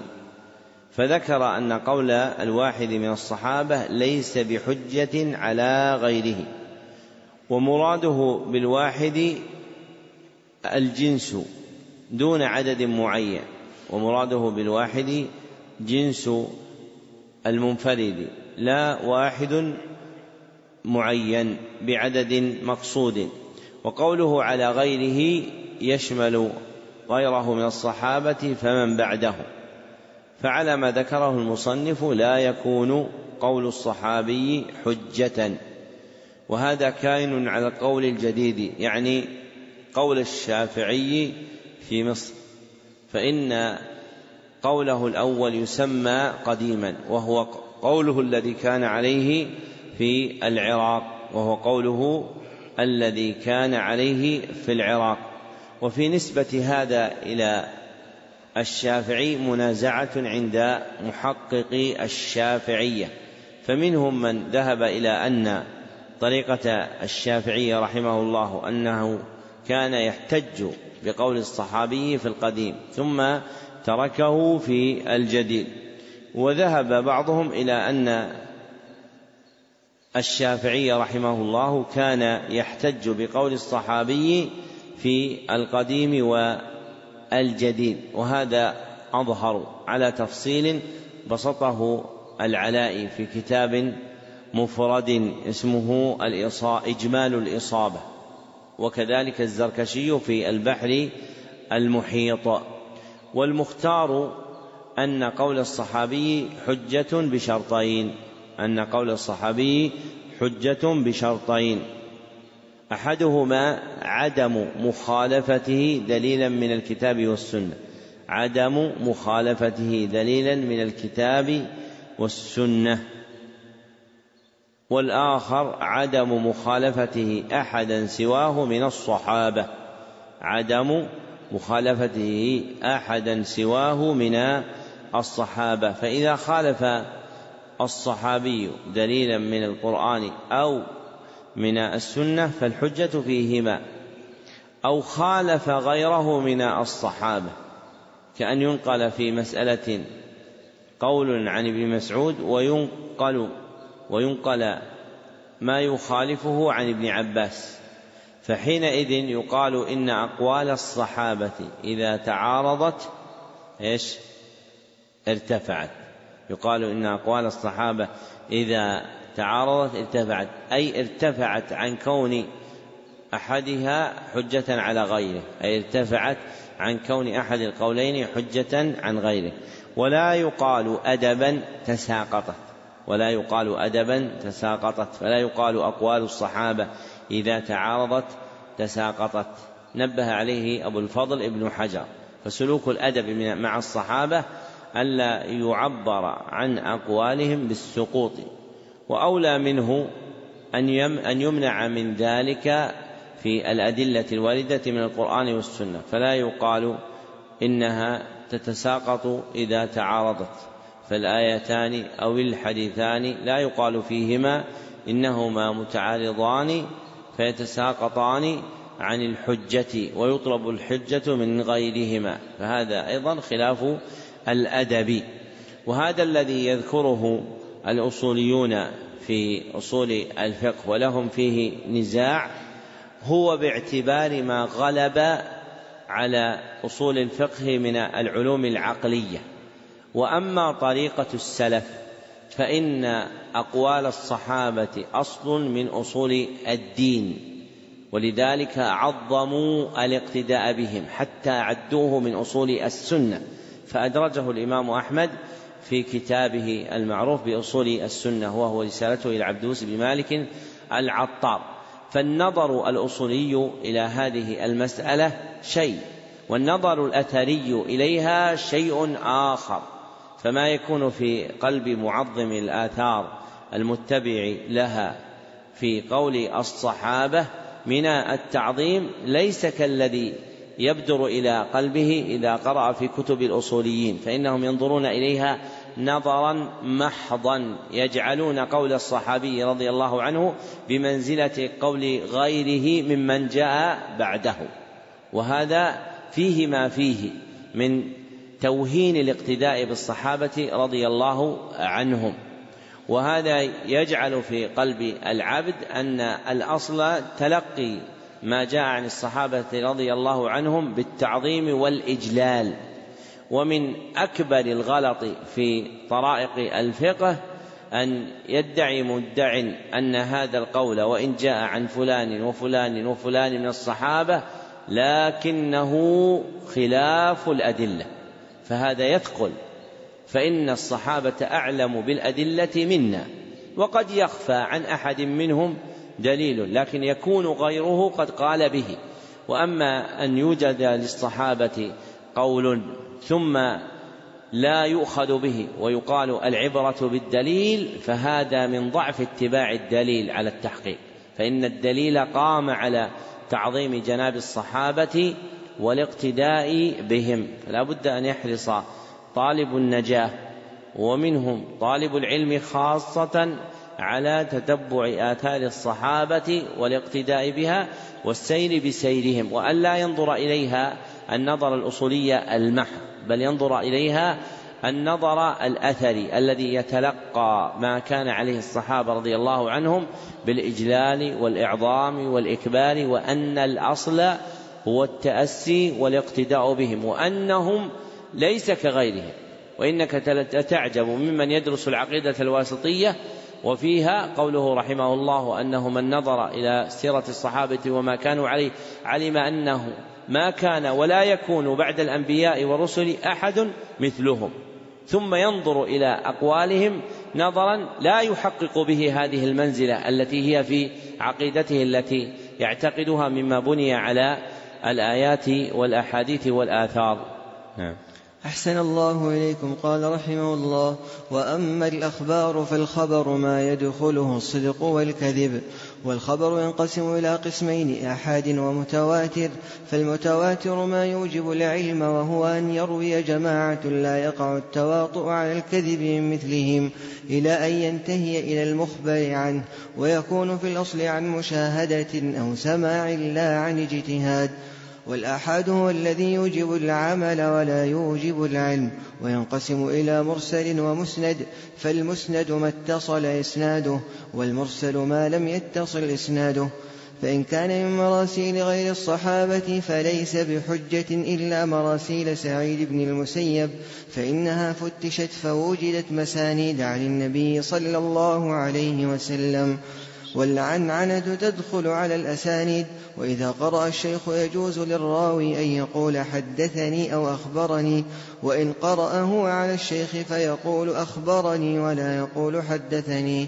وإن أجازه الشيخ من غير رواية فيقول أجازني أو أخبرني إجازة. ذكر المصنف رحمه الله فصلا آخر من أصول الفقه هو الأخبار. والأخبار جمع خبر وهو الذي عرفه بقوله الخبر ما يدخله الصدق والكذب. وتقدم أن هذا التعريف معدول عنه وأنه منتقد بما ليس هذا محل بيانه. وخلاصة قول من انتقده من المحققين كابن الشاط وغيره أن الخبر هو قول يلزمه الصدق أو الكذب. قول يلزمه الصدق أو الكذب.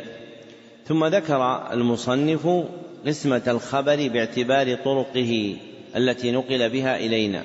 فالخبر باعتبار طرق نقله ينقسم إلى قسمين أحدهما المتواتر والآخر الآحاد. أحدهما المتواتر والآخر الآحاد. وحد المصنف المتواتر بقوله فالمتواتر ما يوجب العلم وهو أن لا يروي وهو أن يروي جماعة لا يقع التواطؤ على الكذب إلى آخره. وكلامه الذي ذكره جمع فيه بين حده وحكمه جمع فيه بين حده وحكمه. فقوله فالمتواتر ما يوجب العلم هذا إيش؟ حكم هذا حكم أنه يوجب العلم. وقوله وهو أن يروي جماعة لا يقع التواطؤ على الكذب إلى آخره هذا بيان لحد المتواتر المشتمل على شروط تقدم بيانها على وجه موضح مناسب للمقام في شرح نخبة الفكر. وخلص حينئذ إلى أن المتواتر هو خبر له طرق بلا عدد معين. خبر له طرق بلا عدد معين يفيد بنفسه العلم بصدقه. يفيد بنفسه العلم بصدقه. ثم ذكر من مسائل هذا الباب أن الآحاد يوجب العمل ولا يوجب العلم أي عند التجرد من القرائن. فالآحاد إذا تجرد من القرينة كان دالا على الظن. أما إن صحبته القرينة صحبته القرينة فإنه يفيد العلم. اختاره ابن تيمية الحفيد في آخرين.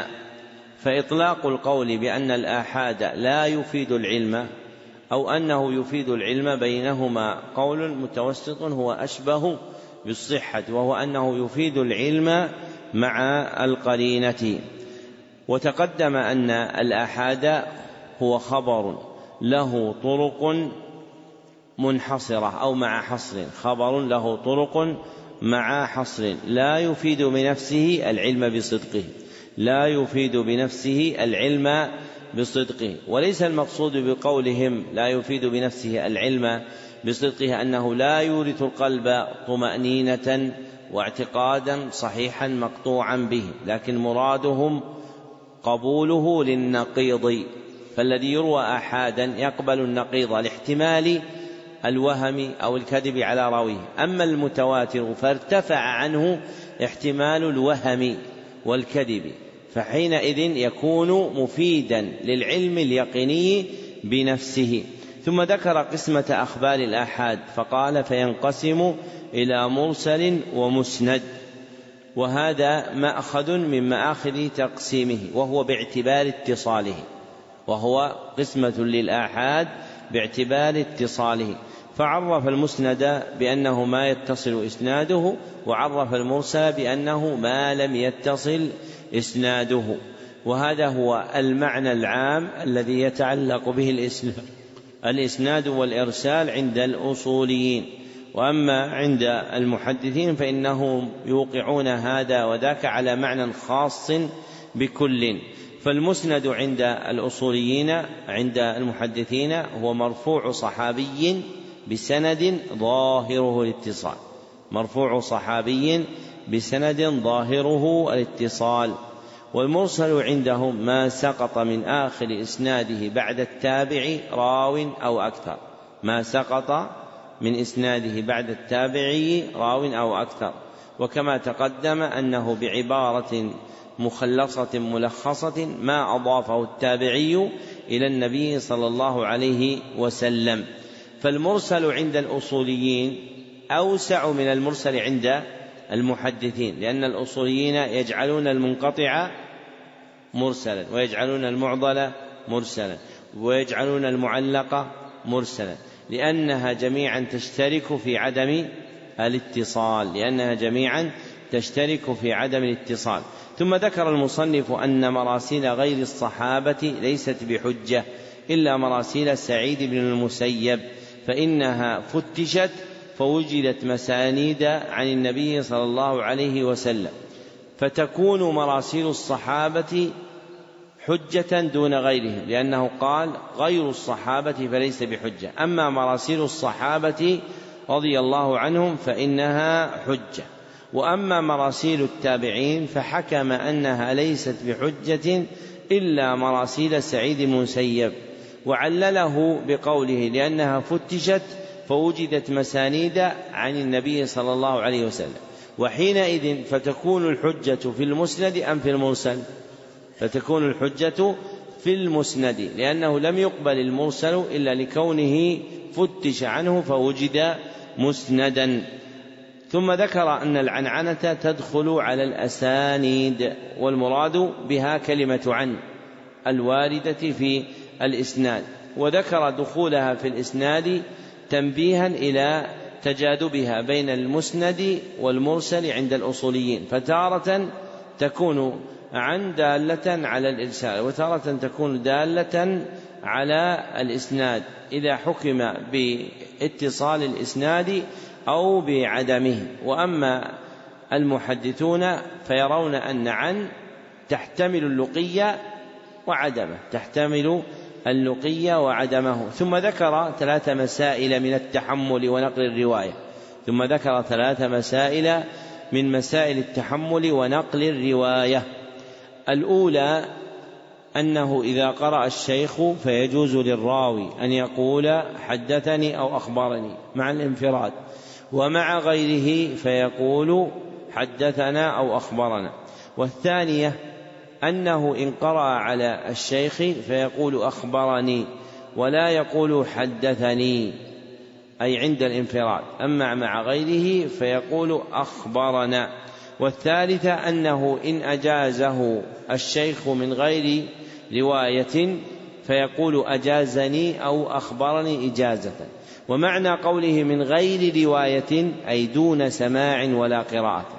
أي دون سماع ولا قراءة فهو يريد معنى خاصا للرواية. لا مطلق معنى الرواية. لا مطلق معنى الرواية لأن الإجازة من طرق الرواية. نعم. أحسن الله إليكم. قال رحمه الله وأما القياس فهو رد الفرع إلى الأصل بعلة تجمعهما في الحكم وهو ينقسم إلى ثلاثة أقسام إلى قياس علة وقياس دلالة وقياس شبه. فقياس العلة ما كانت العلة فيه موجبة للحكم وقياس الدلالة هو الاستدلال بأحد النظيرين على الآخر وهو أن تكون العلة دالة على الحكم ولا تكون موجبة للحكم. وقياس الشبه هو الفرع المتردد بين أصلين فيلحق بأكثرهما شبها ولا يصار إليه مع إمكان ما قبله. ومن شرط الفرع أن يكون مناسبا للأصل ومن شرط الأصل أن يكون ثابتا بدليل متفق عليه بين الخصمين. ومن شرط العلة أن تضطرد في معلولاتها فلا تنتقض لفظا ولا معنى. ومن شرط الحكم أن يكون مثل العلة في النفي والإثبات والعلة هي الجالبة للحكم والحكم هو المجلوب للعلة. ذكر المصنف رحمه الله فصلا آخر من أصول الفقه هو القياس وعرفه بأنه رد الفرع للأصل لعلة تجمعهما في الحكم ولم يبين وجه الرد ولم يبين وجه الرد. فالمختار أن يقال إيضاحا في حقيقة القياس اصطلاحا حمل معلوم على معلوم في الحكم حمل معلوم على معلوم في الحكم لعلة جامعة بينهما لعلة جامعة بينهما. فالرد محله الإلحاق في الحكم فالرد محله الإلحاق في الحكم. والمحمول والمحمول عليه معلومان فهما أصل وفرع. والمحمول والمحمول عليه معلومان فهما أصل وفرع وموجب الحمل العلة الجامعة بينهم وموجب الحمل العلة الجامعة بينهما. ثم ذكر أن القياس ينقسم إلى ثلاثة أقسام باعتبار الجامع بين الأصل والفرع باعتبار الجامع بين الأصل والفرع. فالأول قياس العلة وهو ما جمع فيه بين الأصل والفرع علة ظاهرة. ما جمع فيه بين الأصل والفرع علة ظاهرة.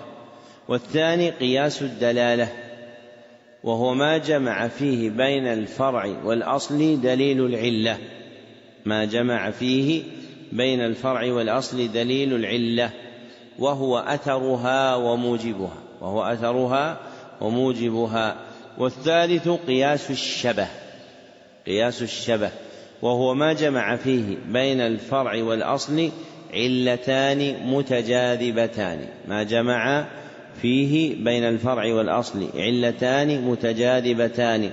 ترجع كل واحدة منهما إلى أصل منفرد. ترجع كل واحدة منهما إلى أصل منفرد. فكل علة تجذب الحكم إليها أي تجره إليها.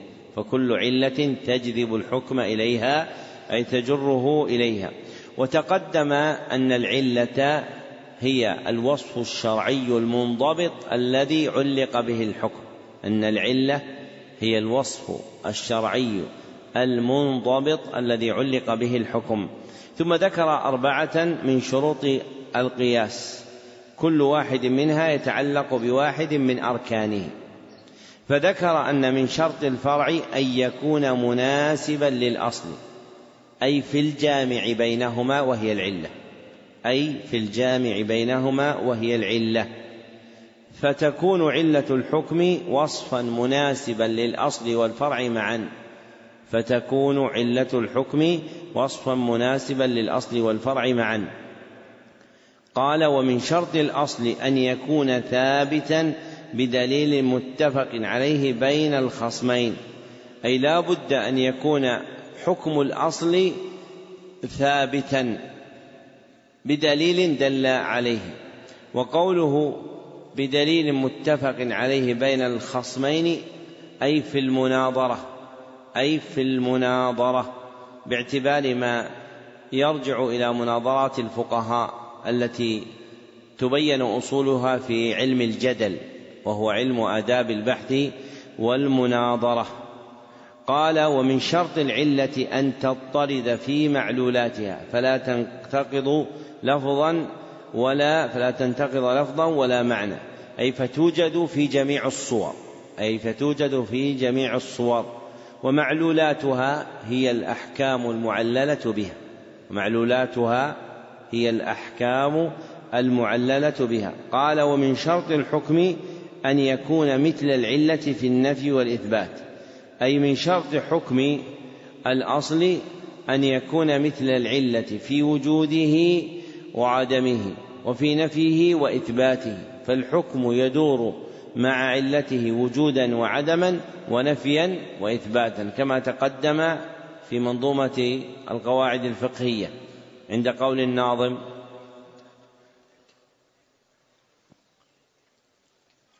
أحسنت.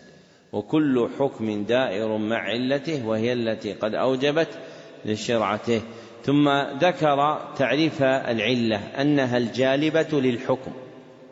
والجلب معناه كونها مؤدية إليه. والجلب معناه كونها مؤدية إليه.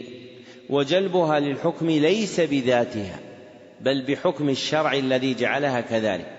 وجلبها للحكم ليس بذاتها بل بالشرع الذي جعلها كذلك. ثم ذكر وجه تعلق الحكم بالعلة فقال والحكم هو المجلوب للعلة أي ناتج عنها. ثم ذكر وجه تعلق الحكم بالعلة فقال والحكم هو المجلوب للعلة أي ناتج عنها فهو ما اقتضته من إثبات شيء لشيء أو نفيه عنه. فهي ما اقتضت فهو ما اقتضته من إثبات شيء لشيء أو نفيه عنه. نعم. أحسن الله إليكم. قال رحمه الله وأما الحظر والإباحة فمن الناس من يقول إن الأشياء على الحظر إلا ما أباحته الشريعة فإن لم يوجد في الشريعة ما يدل على الإباحة يتمسك بالأصل وهو الحظر. ومن الناس من يقول بضده وهو أن الأصل في الأشياء أنها على الإباحة إلا ما حضره الشرع. ذكر المصنف رحمه الله فصلا آخر من فصول أصول الفقه وهو القول في الأصل في الأشياء. القول في الأصل في الأشياء والمراد بالأشياء الأعيان المنتفع بها. الأعيان المنتفع بها. فلا يسلط هذا الدليل على الأقوال ولا الأفعال وإنما يسلط على الأعيان المنتفع بها لبيان حكمها وإنما يسلط على الأعيان المنتفع بها لبيان حكمها فمثلا إذا أردت أن تحكم على فاكهة لا تعرفها فهذه يتعلق بها هذا الباب أم لا يتعلق؟ يتعلق. لماذا؟ لأنها عين منتفع بها فيجري فيها حكم هذا الباب. سواء قلنا إن أصله الحظر أو إن أصله الإباحة لكن مورده الذي يتعلق به هو العين المنتفع بها. فلا يحكم بهذا على قول ولا على فعل بل يطلب حكم القول أو الفعل من غيره. واضح؟ واضح أم غير واضح؟ طيب نعيده.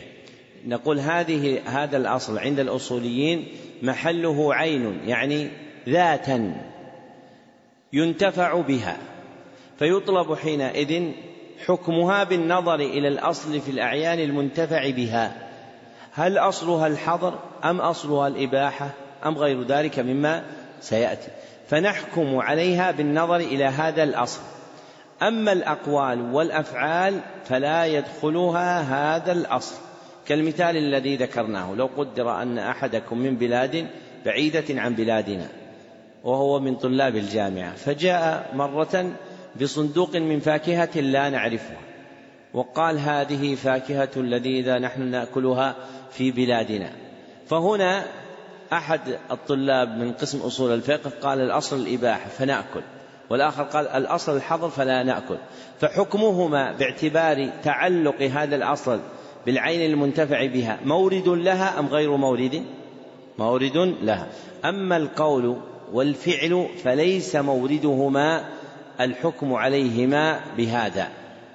يعني لا نحكم على قول أو على فعل بأن نقول الأصل هو الإباحة أو الأصل هو الحظر بل نطلب دليلا خارجيا غير هذا الباب. واضح؟ طيب. من يقول الأصل في المظاهرات الجواز؟ لأن الأصل في الأشياء الإباحة. استدلاله صحيح أم غير صحيح؟ بالنظر الأصولي. ها؟ لماذا؟ أحسن. لأن المظاهرات ليست موردا للمسألة أصلا للقاعدة أصلا. فالقاعدة موردها عند الأصوليين الأعيان المنتفع بها دون الأقوال ولا الأفعال.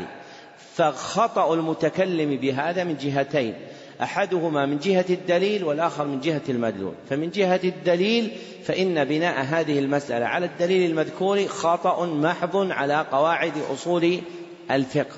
ومن جهة المدلول فإن المعنى المرقوب في المظاهرات يخالف الشرع من وجوه ليس هذا محل بيانها. ويسمى هذا الفصل الحظر والإباحة لتردد الحكم بينهما. والحظر هو التحريم والمنع والإباحة هي الحل والإذن فيها. وذكر المصنف الخلاف وأطلقه دون ترجيح. والمختار أن الأعيان المنتفع بها تنقسم باعتبار المصلحة والمفسدة إلى أربعة أقسام. أن الأعيان المنتفع بها تعتبر ينظر فيها باعتبار المصلحة والمفسدة إلى أربعة أقسام. أحدها ما كانت المصلحة فيه خالصة. ما كانت المصلحة فيه خالصة. فهذا الأصل فيه الإباحة. وثانيها ما كانت المفسدة فيه خالصة فهذا الأصل فيه الحظر. وثالثها ما لم تخلص فيه المصلحة والمفسدة ما لم تخلص فيه المصلحة والمفسدة وهذا موجود عقلا غير موجود في الخارج. فوجوده وجود أذهان لا وجود أعيان. ذكره العلامة محمد الأمين الشنقيطي. فلا يوجد شيء ليس فيه منفعة خالصة وليس فيه ليس فيه منفعة خالصة وليس فيه مفسدة خالصة. والرابع ما كانت فيه ما كانت ما كان فيه مصلحة ومفسدة. ما كان فيه مصلحة ومفسدة. ففيه المصلحة من وجه وفيه المفسدة من وجه. فإن رجح أحدهما فالحكم للراجح. فإن رجحت المصلحة فالأصل فيه الإباحة. وإن رجحت المفسدة فالأصل فيه الحظر. وإن تساوتا فيقال أحسن فيقال درء المفسدة مقدم على جلب المصالح. فالقاعدة المذكورة كما تقدم مخصوصة بمحل واحد وهو تساوي المصالح والمفاسد تساوي المصالح والمفاسد. وهذه من القواعد التي يغلط المتكلمون في العلم في إعمالها. فتجده يتكلم في مسألة فيها المصالح غالبة على المفاسد. فيقول والأصل في هذه الحظر والمنع منها لأنه يقدم درء المفاسد على جلب المصالح وهذا غلط. فإن القاعدة محلها عند التساوي لا مع رجحان المصالح على المفاسد. ثم ذكر المصنف بعد هذا قاعدة أخرى لها اتصال بهذه المسألة وهي قاعدة الاستصحاب وسيأتي ذكر كلامه فيها. وخلاصة ما, ما تقدم أنه لا يطلق القول أنه لا يطلق القول بأن الأصل في الأشياء فيه الإباحة ولا أن الأصل في الأشياء فيه الحظر بل ينظر إلى ما يوجد فيها من المنفعة والمفسدة ثم يحكم باعتبار ما يكون في ذلك. نعم. أحسن الله إليكم. قال رحمه الله ومعنى استصحاب الحال أن يستصحب الأصل عند عدم الدليل الشرعي. ذكر المصنف رحمه الله تعالى قاعدة أخرى أو فصلا آخر من فصول أصول الفقه وهو ما يتعلق بالاستصحاب.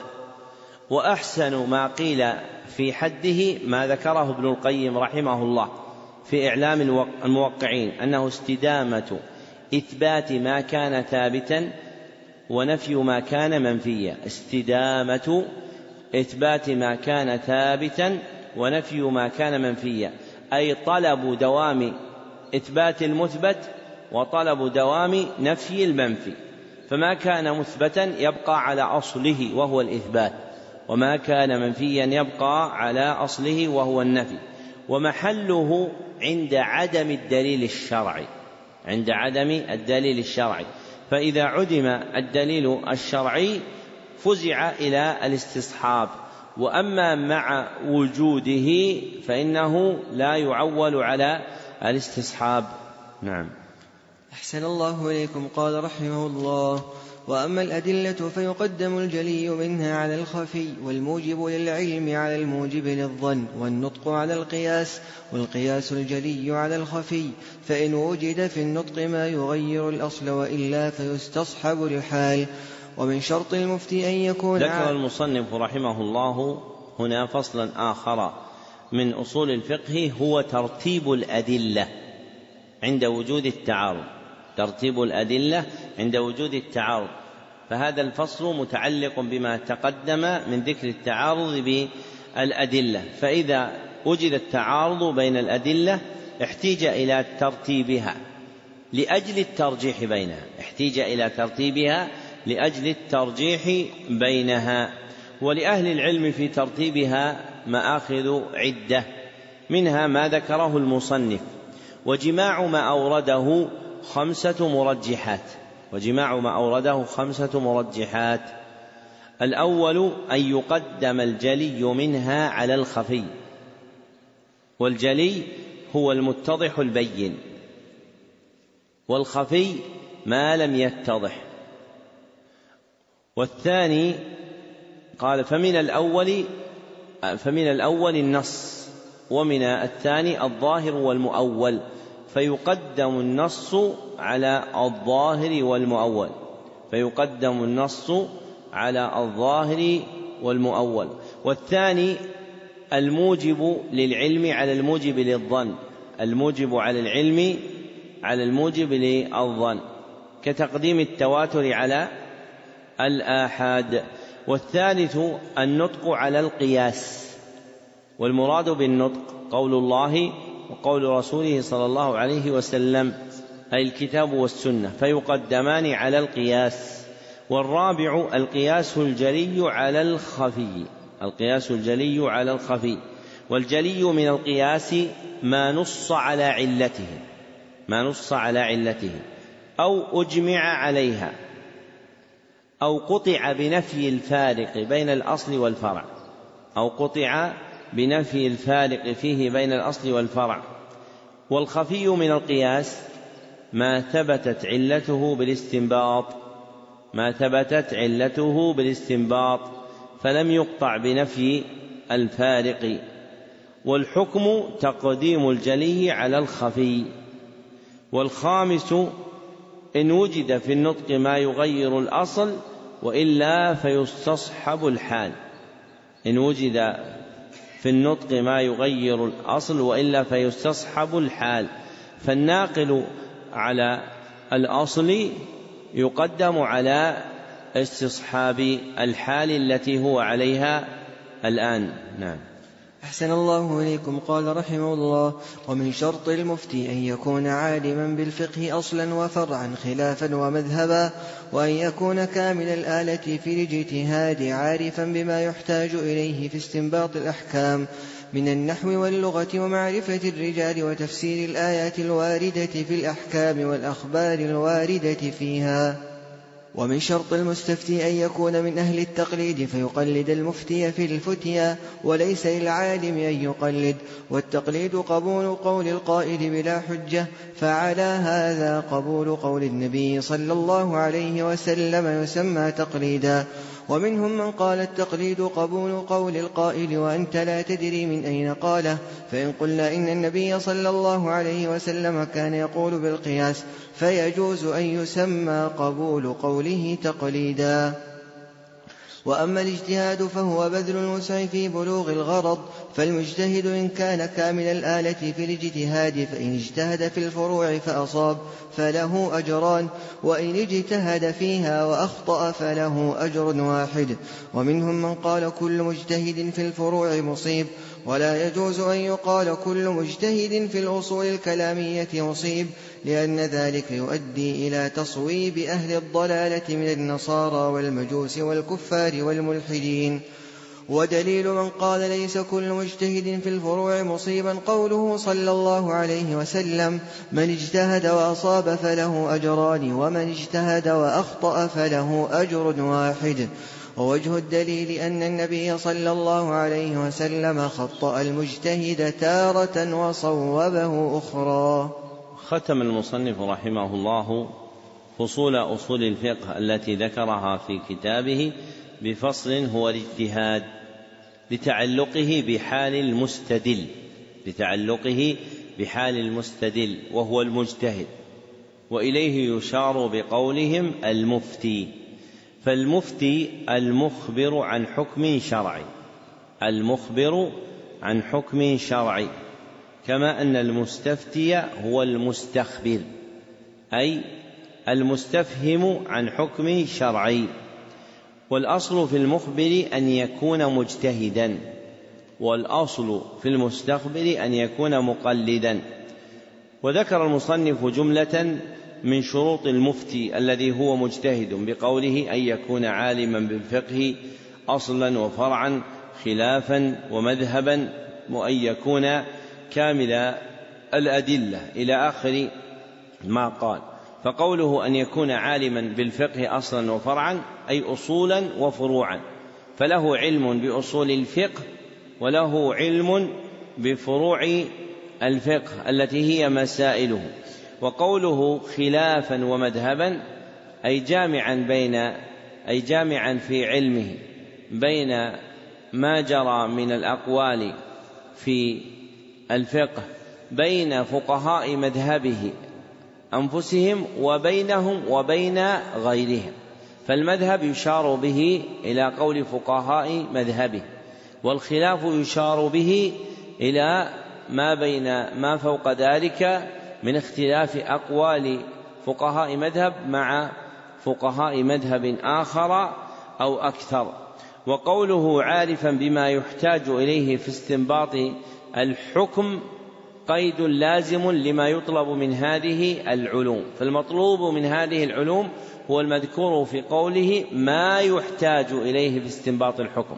فالذي يحتاج إليه في استنباط الحكم من هذه العلوم هو الذي يطلب بالفهم لأن العلوم الآلية التي تعين على استنباط الحكم من نحو أو أصول فقه أو غيرها هي واسعة الذرع طويلة الباع كثيرة المسائل لها فروع كثيرة وشذور مذهلة.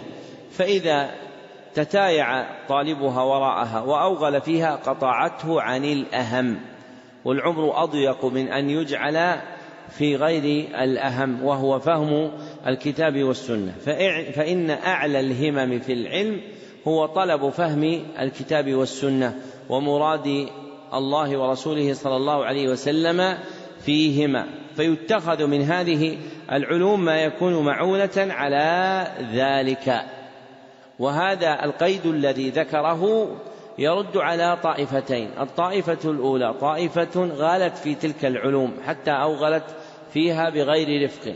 والأخرى طائفة تزعم أنه لا حاجة إلى تلك العلوم الآلية وأن المرأة يفهم من الكتاب والسنة ما يفهمه من أحكام الله ورسوله صلى الله عليه وسلم دون حاجة إلى ما يذكر غيره من الأصوليين والفقهاء أنه يحتاج إليه في استنباط الحكم. فأولئك يضيعون أعمارهم في غير الأهم بترك فهم الكتاب والسنة. حتى إذا أراد أحدهم الاشتغال بفهم الكتاب والسنة ورد على حياضهما وفهمه عليل وهمته قليلة. والآخرون إذا وردوا على فهم الكتاب والسنة مع ضعف آلات الاستنباط ترى منهم العجب من استنباط الأحكام في باب الأخبار في باب الخبر أو في باب الطلب. فنجاة ملتمس العلم هو في الاقتداء بمن قبله ممن كان مما كان عليه العلماء قاطبة وهو الذي ذكر هنا من أنه يتخذ منها ما يحتاج إليه في استنباط الحكم.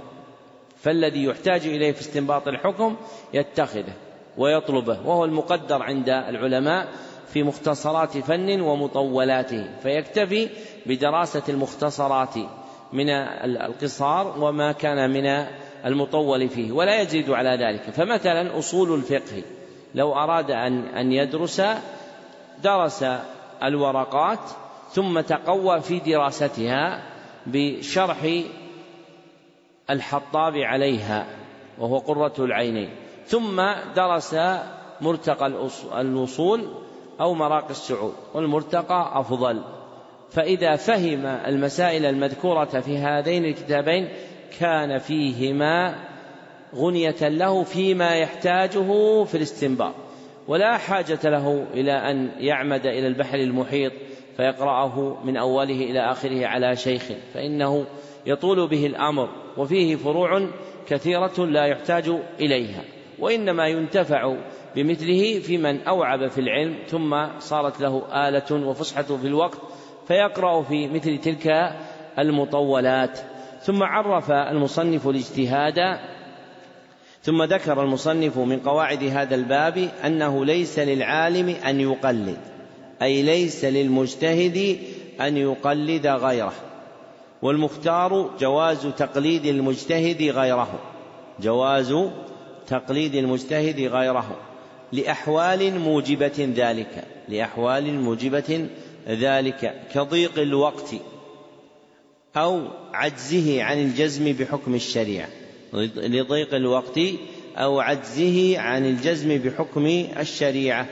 أو توقفه عن الحكم بشيء إلى غير ذلك من علل تقليده غيره.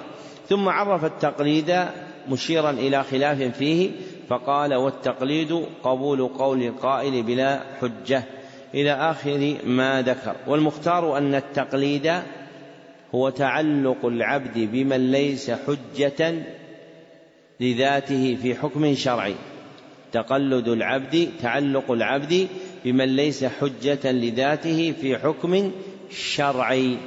ثم عرف الاجتهاد بقوله وأما الاجتهاد فهو بذل الوسع في بلوغ الغرض أي بذل القدرة والطاقة في إدراك الغرض. والمختار تقييد هذا الإطلاق فيقال بذل الوسع من متأهل للنظر في الأدلة. بذل الوسع من متأهل للنظر في الأدلة. لاستنباط حكم شرعي. لاستنباط حكم شرعي. فبذل الوسع هنا مأذون به لمن؟ للمتأهل بالنظر في الأدلة. أما غير المتأهل بالنظر في الأدلة فإنه لا يصح منه فعل الاجتهاد ولا يصدق عليه كونه مجتهدا.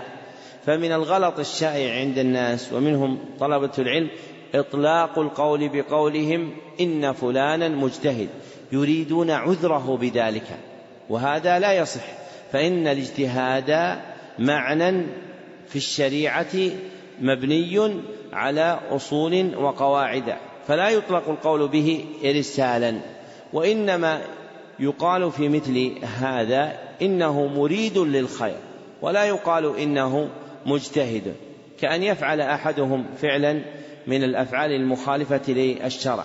فيقال في عذره هو مجتهد ولا بد من صدق وصف الاجتهاد عليه. فإن كان مجتهدا فنعم. وأما إن كانت الحال كما عليه الناس اليوم فلا يقال فيه هو مجتهد. يقال مريد للخير. كما قال ابن مسعود كم من مريد للخير لن يصيبه. رواه الدارمي وإسناده صحيح. ثم ذكر المصنف رحمه الله مسألة تسمى تصويب المجتهدين. وهي إذا تكلم المجتهدون في مسألة فهل يقال كل مجتهد مصيب مصيب أم لا؟ والمختار فيها أن إصابة المجتهد يتعلق بها أمران. أن إصابة المجتهد يتعلق بها أمران. أحدهما إصابة الحق إصابة الحق فهذه لا يقال فيها كل مجتهد مصيب فهذه لا يقال فيها كل مجتهد مصيب لأن الحق واحد لا يتعدد لأن الحق واحد لا يتعدد. فيكون أحد القولين حقا والآخر باطلا.